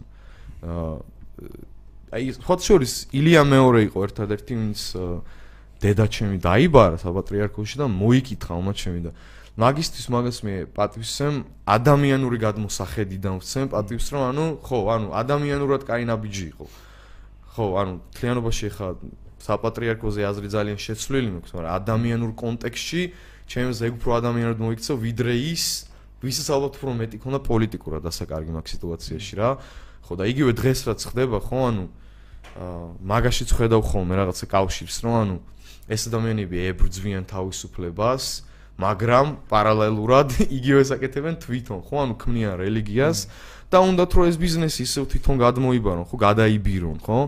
ანუ თან მაგასთან ანუ იმხელა გავლენა აქვს რომ ანუ სესიაშვილი გამოყავთ როგორც თავისი ავატარი და ალაპარაკენ საავტორკენს და პირდაპირ დისკრიმინაციაზე მიდიან რომ გეუბნებიან რომ არც ერთი რელიგია გარდა მართლმადიდებლების წავლენ ჯარში ხო ან იგივე შეკითხვა რაც ხშირად გაჟღერებულა ხო რატო ფინანსდება საპატრიარქო ქვეყნის ბიუჯეტიდან და მაგათი სემინარები, ხო, რავი, რა 1000 ქონებას გადაცემენ უფასო სახელმწიფო, ხო? ხო და რეალურად მაგათი პასუხი ხო ეგ არის, რომ აი კომუნისტების დროს ჩვენ გძუდავდნენ და ეხა ხალხის გადასახადების ხარჯზე ჩვენ ამ ფულს უკან ვიბრუნებთ, ხო ეგ არის რა, რეალურად რა. მაგრამ პარალელურად ეს ადამიანები გამოდიან და ხო, ანუ უკვე რო პიგზე მივიდა სიტუაცია იგივე ლეგალიზაციის დროს, მაგიდაზე ხელს ურტყავენ. ხო, აბა ერთი გაბედეთ და ნახავთ რა მოგივათ რა. პირდაპირ მუქარაზე გადავიდნენ, ანუ ხო? კი, პირდაპირ იმუქრებიან. ხო, ხო და მე პირადად ანუ ვერ ვხედავ ხოლმე განსხვავებას, ანუ თრობასთან დაკავშირებით, ხო? ანუ აა მარიხუანის თრობის ქვეშ იქნები, ალკოჰოლის თუ რა, ნებისმიერი რაღაც სხვა ჰუმანური ნარკოტიკის ქვეშ იქნები, თრობა თრობაა, ხო? ანუ იგივე ეს ადამიანები, ანუ ეგ ირაციონალური აზრი რო არსებობს ხოლმე რომ ღვინო მაინც ისტორიული ფაქტია, ხო? ეხლა ისტორიულად ხო ეგრე არის, რომ თუ მართლა ისტორია აქვს აკითხული მაგ ადამიანებს, ეცოდინებათ, რომ ტრიაკი ერქვა ხო ადრე მოსწევს და მეფეები უმასპინძლებოდნენ ხოლმე სტუმრებს მაგ დელიკატესით თვლებოდა ხო ფაქტიურად რა? ქართული მეფეების ნაწილი რომელიც პრინციპში აზ ირანში იზრდებოდა რაღაცა პრაქტიკულად ყველა მომხმარებელი იყო ხო მომხმარებელი მაგ ამ ფაქტს უარყოფენ შემდეგაც მეფის რუსეთის ქვეშაც ჩულოთ არსებობდა ან რაღაც საგაზეთო განცხადები რომ დავდეთ გახსოვს ჩვენ ვიღაცამ დავკარგეო ფაიფი ქონა ტიპს დაკარგული და განცხადება ქონა დაწელი ფაიფი დავკარგული პლანები იყო შეგინო და ვის ოწოს დავაც 25 მაინც გადავიხდიოთ თუ რაღაცა დამებრუნეთოთ რაღაცა. ჩაოლებრი ამბავი იყო მაგის თქმა ერთ-ერთი რა და რა პრობლემა არ ყოფილა იმიტომ რომ რამე პრობლემა არ ყოფილიყო მაგის ჩანაწერებიც იარსებობდა აუცილებლად აუცილებლად. ჩინეთში რაღაც ოპიუმის პრობლემა იყო ხო გასაგებია რაღაც ის იყო. არასოდეს ეგეთი პრობლემა არ ყოფილა. ხო და ყველაზე მეტად ანუ რაზეც ალბათ ღიზიანდები ხოლმე არის ანუ იგივე მარიხონის კონტექსტში რომ აი მოხდა ლეგალიზაცია თქვენი დამსახურებით, თქვენ თქვენ იომეთ მაგამბოზე, ხო და საბოლოო ჯამში მოიგეთ ხო ეგ სასამართლო რა. და მე არ მესმის ხოლმე უბრალოდ იმ ადამიანებს იგივე აი ასაკში რო არიან ხოლმე შესულები და ლაპარაკო, ანუ აგინებენ გიც ლანძღავენ, უბნევენ თქვენ არკომანებო. ნუ ეს ეს ხო უკვე მოძველებული არის, გაცვეთილი არის რა რა გაქვთ მოწეული რო აწერენ ხოლმე, მაგრამ ანუ სასაცილო ფაქტი რა არის, ცი? ნუ თუ ეს ადამიანები ვერ იაზრებენ, ანუ ხო ყავთ შვილები, ანუ შვილი შვილები და ალბათ ეს ადამიანები უნდა დადგნენ ისე იმ ფაქტის წინაშე, რომ ერთი ჯოინტის გამო ეს ხალხი გაუშვან ციხეში. ამ ხალხს მოუწიოთ მე ისე ბანკებში თავის ბინების ჩადება, რომ მე გაუყიდოს ბანკებმა, ანუ დააქციოს ხელისუფლებამ. რომ ალბათ მე მიხვდნენ რას ნიშნავდა ეს გადაწყვეტილება რა? მაგდენს ვერ აკავშირებენ სინამდვილეში რატომღაც ყოველასე განსთა აქ რომ ჩემ შულს ეგარ დაემართება ჩემ შულს სანამ მართლა თან მართლა სანამ მაგათ არ მოვა პოლიცია და არ წაიყოს ციხეში მანამდე განსთა აქ თუ არ აკაცო ეს ჩემ შულს დაემართება თან გოლეთმაგის შვილებს იცავენ. მაგრამ მარტო ციხეც ხო არ არის გადახმარო სინამდვილეში იმ დღეს კაკას ვახოსთან ერთაში ვიძახი რავი, მაგრამ რეალობა შევცვალეთ იმით, რომ ხალხის ბიორო იყო აღარ ეკარება რა. ანუ ძალიან ცოტა ადამიანი დარჩა, ვინც შეიძლება იმას ეკარებოდეს, ანუ აღარ მართლა რაღაც პონჩი რო ფიქობ, რავი, მართლა რავი, მადლობა აქვს სათქმე. მართლა გადავტეხეთ, რომ უბნებში ბავშვები ყველანაირი ამ პარტონობის გარეშე დააგროვებდნენ ფულს და წირავდნენ იმ აპარატებში რომ რიცხავდნენ და მე რაღაც დამარხულებს რო იღებდნენ, მოუკალით ეგ ამბავი. ანუ ვიღაცები წარმოგიდგენ მაგის მაგის უკან თქო რაღაცა ვიღაცები დგან არ ვის მართლა რამხელა ფული ტრიალე და წარმოიდგინე რა და ჩვეულად მოუკალით. ამბავი გამბავი სახელმწიფო დაცვანა მოვითხოვოთ მაგის გამო ეგ ამბავი აღარ არსებობს ვიღაცებმა დაკარგეს არ ვიცი ეგლიონები ეგ მაქვს სხვა ცურის რამოდენიმეჯი რა ჩემ მეგობრებთან ნათქვამი ზუსტად ეგ თემა მაქვს დაკავშირებული ერთმანეთთან რომ აი ლოგიკურად რომ დავფიქრდეთ მაგ საკითხს, ანუ ბიო ხო არსებობდა მარკეზე. ამით იღუპებოდნენ ხო? ყდებოდა ხო ხალხი? ახალგაზრდა აღარ გამიგია საერთოდ რომ ვინმე რაღაცა პრობლემა ქონდა. ანუ შეკითხვა ხო არსებობს მე რომ ანუ რეპრესიული ნარკოპოლიტიკის პირობებში მოკვდნენ ეს ხალხი ხო? ანუ ალტერნატივა არ ქონდათ ამ ხალხს რა? ანუ არის ვისი პასუხი? ანუ სახელმწიფომ არ მოკლა ეს ადამიანები? ხო? ვინ მოკლა? სახელმწიფო ან შეგეთქო საზოგადოებრივ ნებისმიერმა და იმ ადამიანმა რომელიც დღესაც ითხოვს იგივე ნაირ პოლიტიკას. რო არ ყოფილიყო რეპრესიული პოლიტიკა ესეთი, ეს ხალხი ხო დღეს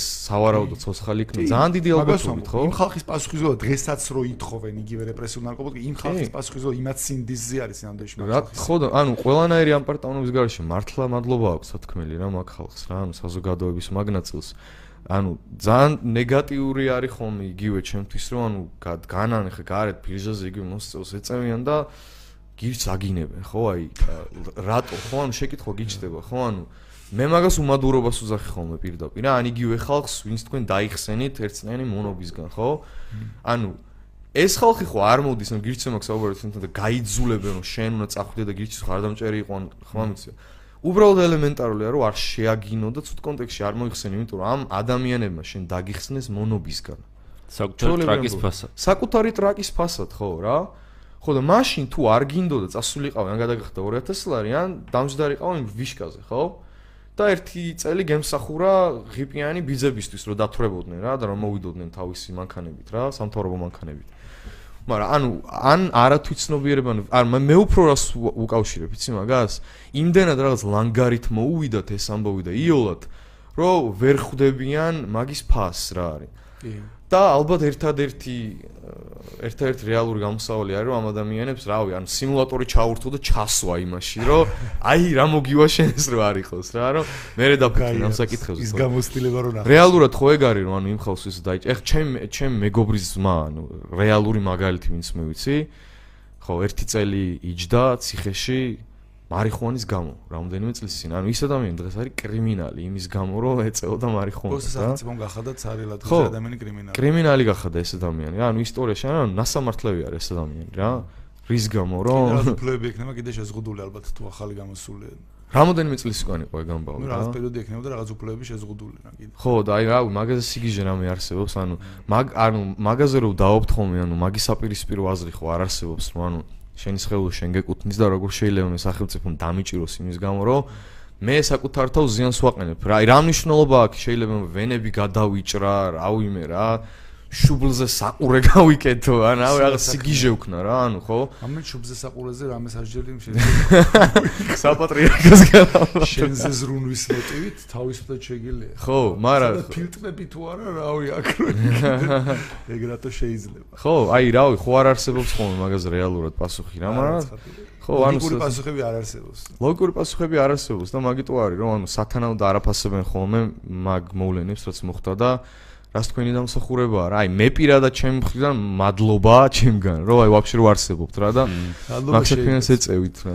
არა რაც პირიქით მე ანუ არაერთხელ მithქვი კიდევ ამბობ ხა რომ ეხლა გირჩი ხო არ არის მოვლენა და ის ფაქტი რომ ანუ რაღაცას მე ველოდებოდი ანუ რაც ძირითადად ხდება ხოლმე რომ აი ესენი თუ მთავრობაში მოვლენ ჩემი ბიძაშვილი დასაქმდება მე პოსტზე დავждები რა ანუ პირველად არის მე მგონი ესეთი ამბავი რომ ანუ არასოდეს მე არ ყოფილვარ ჩართული აა პოლიტიკურად რა ვიცი ხო არა მამჩემს დიდი ხანი იყო პოლიტიკაში ჩართული მაგრამ მაგ დროს ბავშვი ვიყავ მაგრამ შეიძლება მაყურებელმა არ იცოდეს ვინ არის მამჩენი ვალერი გელბახიანი ხო. დღეს ხო ანუ ადვოკატია მაგრამ ხო აქტიურობს ხოლმე მაინც.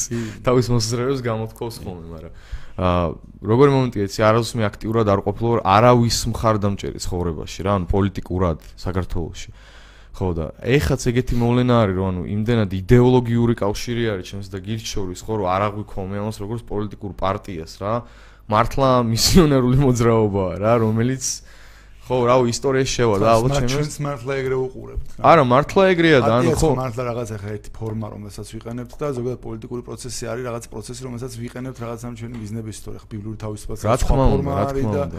რაღაცა ბიზნესის იდეა ხო ეგ გაქვს მოცემულობა რეალურად რომ ანუ მხოლოდ მაგის გავლით შეიძლება მიიღოს შედეგები კიდე მაშინ ჩართულობის ამბავში სამოცავიხში აქ რომ მოდიან ადამიანებს უმაგას ცდილობთ რომ ეგ აუხსნათ რომ იდეაში რაღაცა ჩვენ მაიზამე ჩვენ ნუ გვიყურებ ისე რომ რაღაცა ჩვენ გითხრათ რომ რაღაცა აი რაღაცა გასაკეთებელია რავი მილიონი რამე შეგიძლია. თუ ამ იდეის გჯერა თუ მართლა გესმის გულწრფელად ხო მილიონი რაღაც შეგიძლია აკეთო დაწყებული უბრალოდ Facebook-ზე მართლა აქტიურობით და წერით და არ ვიცი გაგზავნებული თუ შეიძლება ბლოგი დაწერო გაგზავნებული თუ რავი ჩარტე მართლა ტელეფონი და ვიდეო გადაიღე და თქვი თუ რამე სათქმელი გაქვს დამთავრებული რავი ნებისმიერი რაღაც 21 საუკუნეა რა ხო მართლა აუცილებელი არ არის რომ რაღაცა ის ეგეთი ვერტიკალური სტრუქტურა აწყო და რაღაცა. ხო და ერთ-ერთი კიდე ანუ მნიშვნელოვანი ფაქტი არის გირჩის შესახებ, რაც ხშირ შემთხვევაში ალბათ ხალხი არ ლაპარაკობს ხოლმე, რომ ანუ ვინც ხართ ხო თქვენ ლიდერშიპში გირჩის რა, ანუ ნებისმიერს ბექგრაუნდს რო გადახედოს ხალხმა რა, ანუ ყველანი უკვე ხართ თვით რეალიზებული ადამიანები რა, ანუ თქვენ რო დღეს გირჩი დატოვოთ ან გირჩი რო არ ყოფილიყო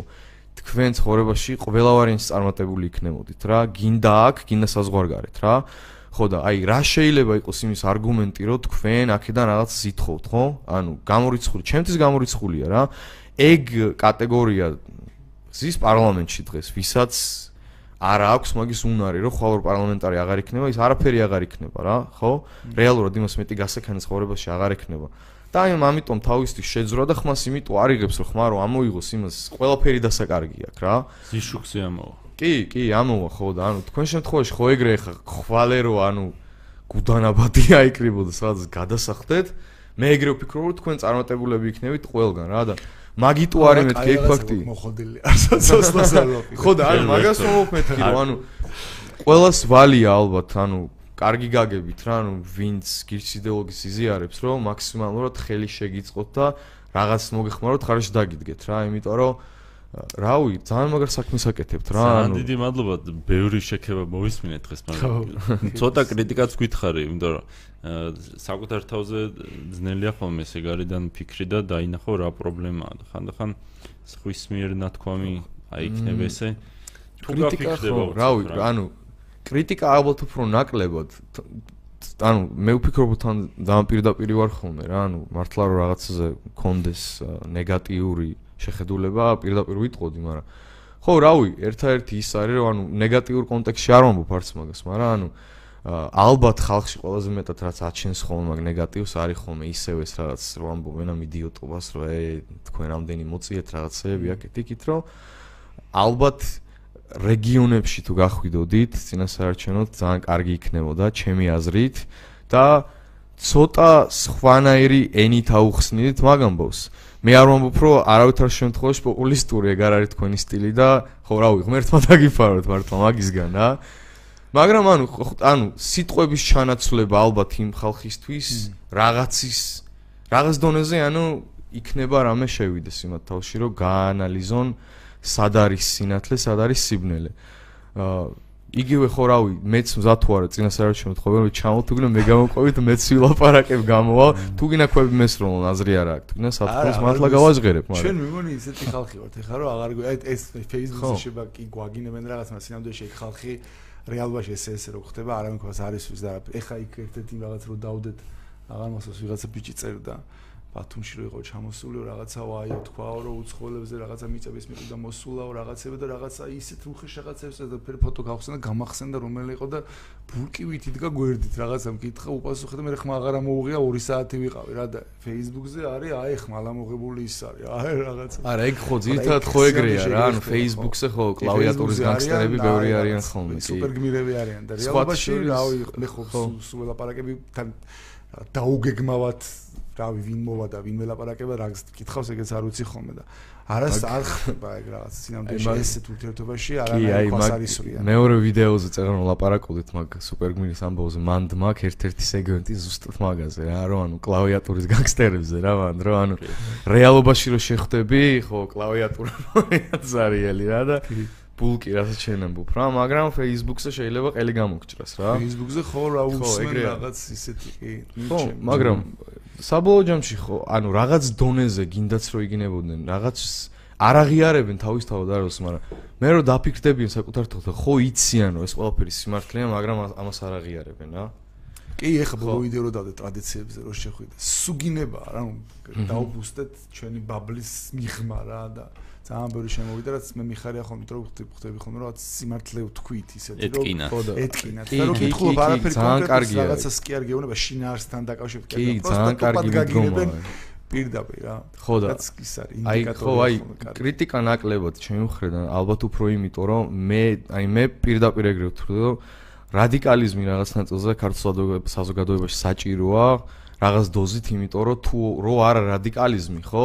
ეს ადამიანები სხვანაირად ვერ შეიგნებენ რაღაცებს. მე ხა რადიკალიზმს არ უზახი რომ ვიღაცა ციხეში ჩასვა და არა მაგრამ გამწაროში ერთი არის ფორმა როგორ მოიფიქრა და ჩვენ ცხადია რაღაცნაირად ამ ფორმას სპეციალურად ხანდახა ვარჩევთ ხოლმე რომ უხეში იყოს ხანდახა ვარჩევთ ძითა ვარჩევთ სასაცილო იყოს მაგრამ ხანდახა ვარჩევთ რომ უხეშიც იყოს მაგრამ საბოლოოში მაინც სიმართლის ლაპარაკზია ჩვენ რაღაც პონჩი დაჟე აი რო ბრეინსტორმი გქოთ რაღაცაზე რაღაცა რო თქვათ ხოლმე ვეძებთ ხოლმე რა არის სიმართლე რაც არ თქმულა ან რისიც ერიდება თქო თქვან და ვარჩევთ მაგაზე თუ გავარტყით რომ აი ამას ეს არის სიმართლე რასაც არავინ არ ამბობს. მე ვაბრეხებთ ამ სიმართლეს და მე უყურებ ამაზე რეაქცია როგორი იქნება რა. მაგრამ მუშაობს იმიტომ საბოლოო ჯამში გონია რომ მართლა ეგრე არის რაღაც თუ გინდა რომ სიბნელე გაფანტო სინათლე უნდა მიუშვა სიმართლის გარდა რა უნდა ქნა სხვა როგორ შევა იმას დაფიქრებულ ხარ საერთოდ რომ გირჩამდე სიტყვა მარიხუანა ქართულ პოლიტიკურ ესტაბლიშმენტში სირცხვილი იყო ანუ ხმამა არავინ არ ამბობდა და გირჩმა რომ გამოიტანა გარეთ იმის შემდეგ ანუ ჩვეულებრივი სიტყვა გახდა. კი მარიხუანას ყველა კონტექსში ახლა რა პრობლემაა იხსენია? და დაკომპლექსებული ყავდა გუშინ იაგოს გადაცემაში მაგას ამბობდნენ რომ ადამიანები რომლებიც მარიხუანას მოიხმართ ჩვეულებრივ ცხოვრების წესია როგორც აუ ამ ქვეყანაში ძალიან ბევრი ადამიანი ალკოჰოლს მოიხმართ ჩვეულებრივ და არავის ხო ეგ არ უკვირს და არავინ ხო არ უყურებს რაღაც ალკოჰოლს მოხმარებას როგორც რაღაცა მეორე ხარისხოვან ადამიანს და სამწუხაროდ ამ ქვეყანაში ადამიანები რომლებიც მარიხუანას მოიხმართ იმის გამო რომ სახელმწიფო ესეთ გაპრესილი ყავდა რაღაცნაირად დაკომპლექსებული არიან განცდა აქ რომ რაღაცა სუჩვებიან, იმალებიან, რაღაცა ოჯახის წევრებს უმალავენ, არ ვიცი, რაღაც ეგეთი ისა. ეს კომპლექსები მოსახსნელია სინამდვილეში. ხო და რავი, მაგითო. ხვდე რომ რავი, რა. შემდეგი ჯგუფში გააკეთე. მე ვცხოვრობ და მოსაწევს ვეწევი, რავი. ხო, შეიძლება ვიღაცამ თქვას, რომ არც ეს ვარ, არც ეს ვარ, ოკეი, მაგრამ რავი, იმას ხო არ ცხენია და ხო, რავი, რა თქმა უნდა. ხო, რავი, მეც, ანუ ყოველდღიური მომხმარებელი არ ვარ, თავისთავად მეც ვეწევი ხოლმე მარიხუანას ჩვეულებრივად. ხო, რა პრობლემაა? კი, ანუ ჩემი რეჟიმიდან გამომდინარე უფრო არის ხოლმე რომ მე ვიცი რომ ანუ შეიძლება ვეღარ ვიმუშაო იმის მერე ანუ უბრალოდ ხო ანუ უბრალოდ არ გამისწორდეს იმის მერე მუშაო თორე ხო რა ვიცი მეც მოხარებული ვარ და ძალიან ძალიან ღიად ვაღიარებ ვაღიარებ რა ვამბობ მაგას და რა ვიცი მან სასირცხვილო საერთოდ რა არის ანუ ვიღაცას სახელმწიფომ ხო ვიღაცას მოწონს ალკოჰოლი ვიღაცას მოწონს მარიხუანა ხო ანუ არჩევანის თემაა ხო ჩემი აზრით ხო. ხო ვიღაცის ხო ანუ ხო 20 ლიტრა ღვინო რო არ ჩაისხა ხო აქ ხო ანუ ვაშკაცი არ ხარ მაშინ რა ამას წინაც ხოთა შორის ანუ არ ვიცი ნახეთ თუ არა განსხვავებული ახალი კრეატიული მეთოდი ბლენდერიდან რო დალია იცი რაცა კი არ გინახია შაბო რაკნესი ბლენდერია ჩართული ანუ სუფრა არის მე მგონი რაიონში ხდება ეს ამბავი? ხო ვიდეოდან გამომდინარე და ეს ადამიანი მოკლედ ბლენდერს აიღებს შეერთებს დენში შიგნია გვინო ჩასხმული, სადღეგრძელოს იტყვის და ბლენდერს ჩართავს და რო იბლენდებო, მაგ დროს დალევ შართულ ბლენდზე რა. აკაფებულს, კი, კი, კი, კი. იო, და აი გასდა ქონდა ცხრის წააცლი და ის. მეც აი მეთქი ხა რაღაც ენის ნაგლეჯების იმ კამერაზე მოხდება ეგეთ შეგზევა მქონდა. აი სიგიჟე ეგ არ არის, ხა აი ბოლოდონის სიგიჟე ალბათ ეგ რა, ხო? უნდა დავარეგულიროთ მგონი. ბლენდერიდან დალევაზე უნდა იყოს რამე, ხო? ხო, ბლენდერიდან დალევაზე რეგულაცია უნდა არსებობდეს რა. ლიცენზირებული ბლენდერები დასალევად. აა ბერომეზე ვილაპარაკეთ. თელი საათ ნახევარ რაღაც ხო და აი ხანი ვილაპარაკეთ. აი ხანი გასულა ხო? ე რაღაც პონჩი გავიყვანთ ბოლოში, იმიტომ რომ შეხვედრა გვაქვს კიდე.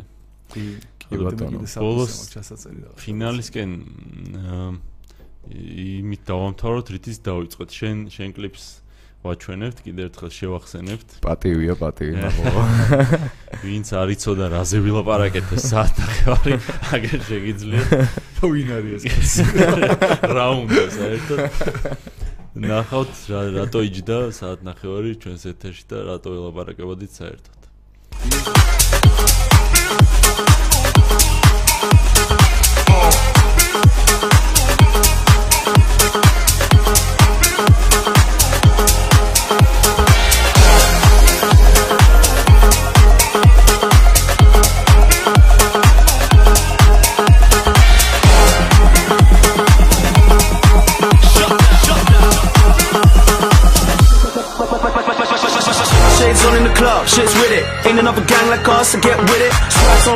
Man, ready to destroy, man. Trying to have fun, but anybody can get it. We be on the grind till the morning. Stacking up money in the bank. Don't touch shit if you wake in the band. Just show man a sign if you're down for the game. Don't fuck with the gang, we don't fucking pretend.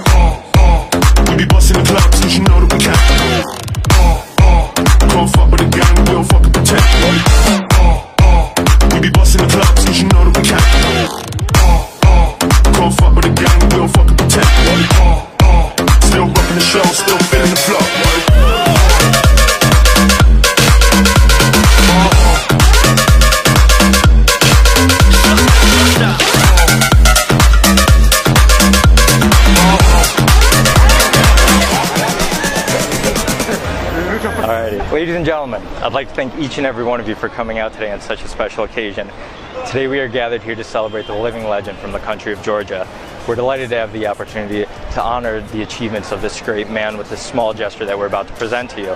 We understand that it's quite unusual to honor a living human being in such nature, but considering the significant difference he's made in the fight for freedom on hundreds of thousands of lives, we as Americans and residents of New York City feel obligated to celebrate him accordingly without further ado, please join me in the public opening ceremony of the sculpture of the next president of Georgia, Mr. Zarab Jeparidze. Don't fuck with the gang, we don't fucking pretend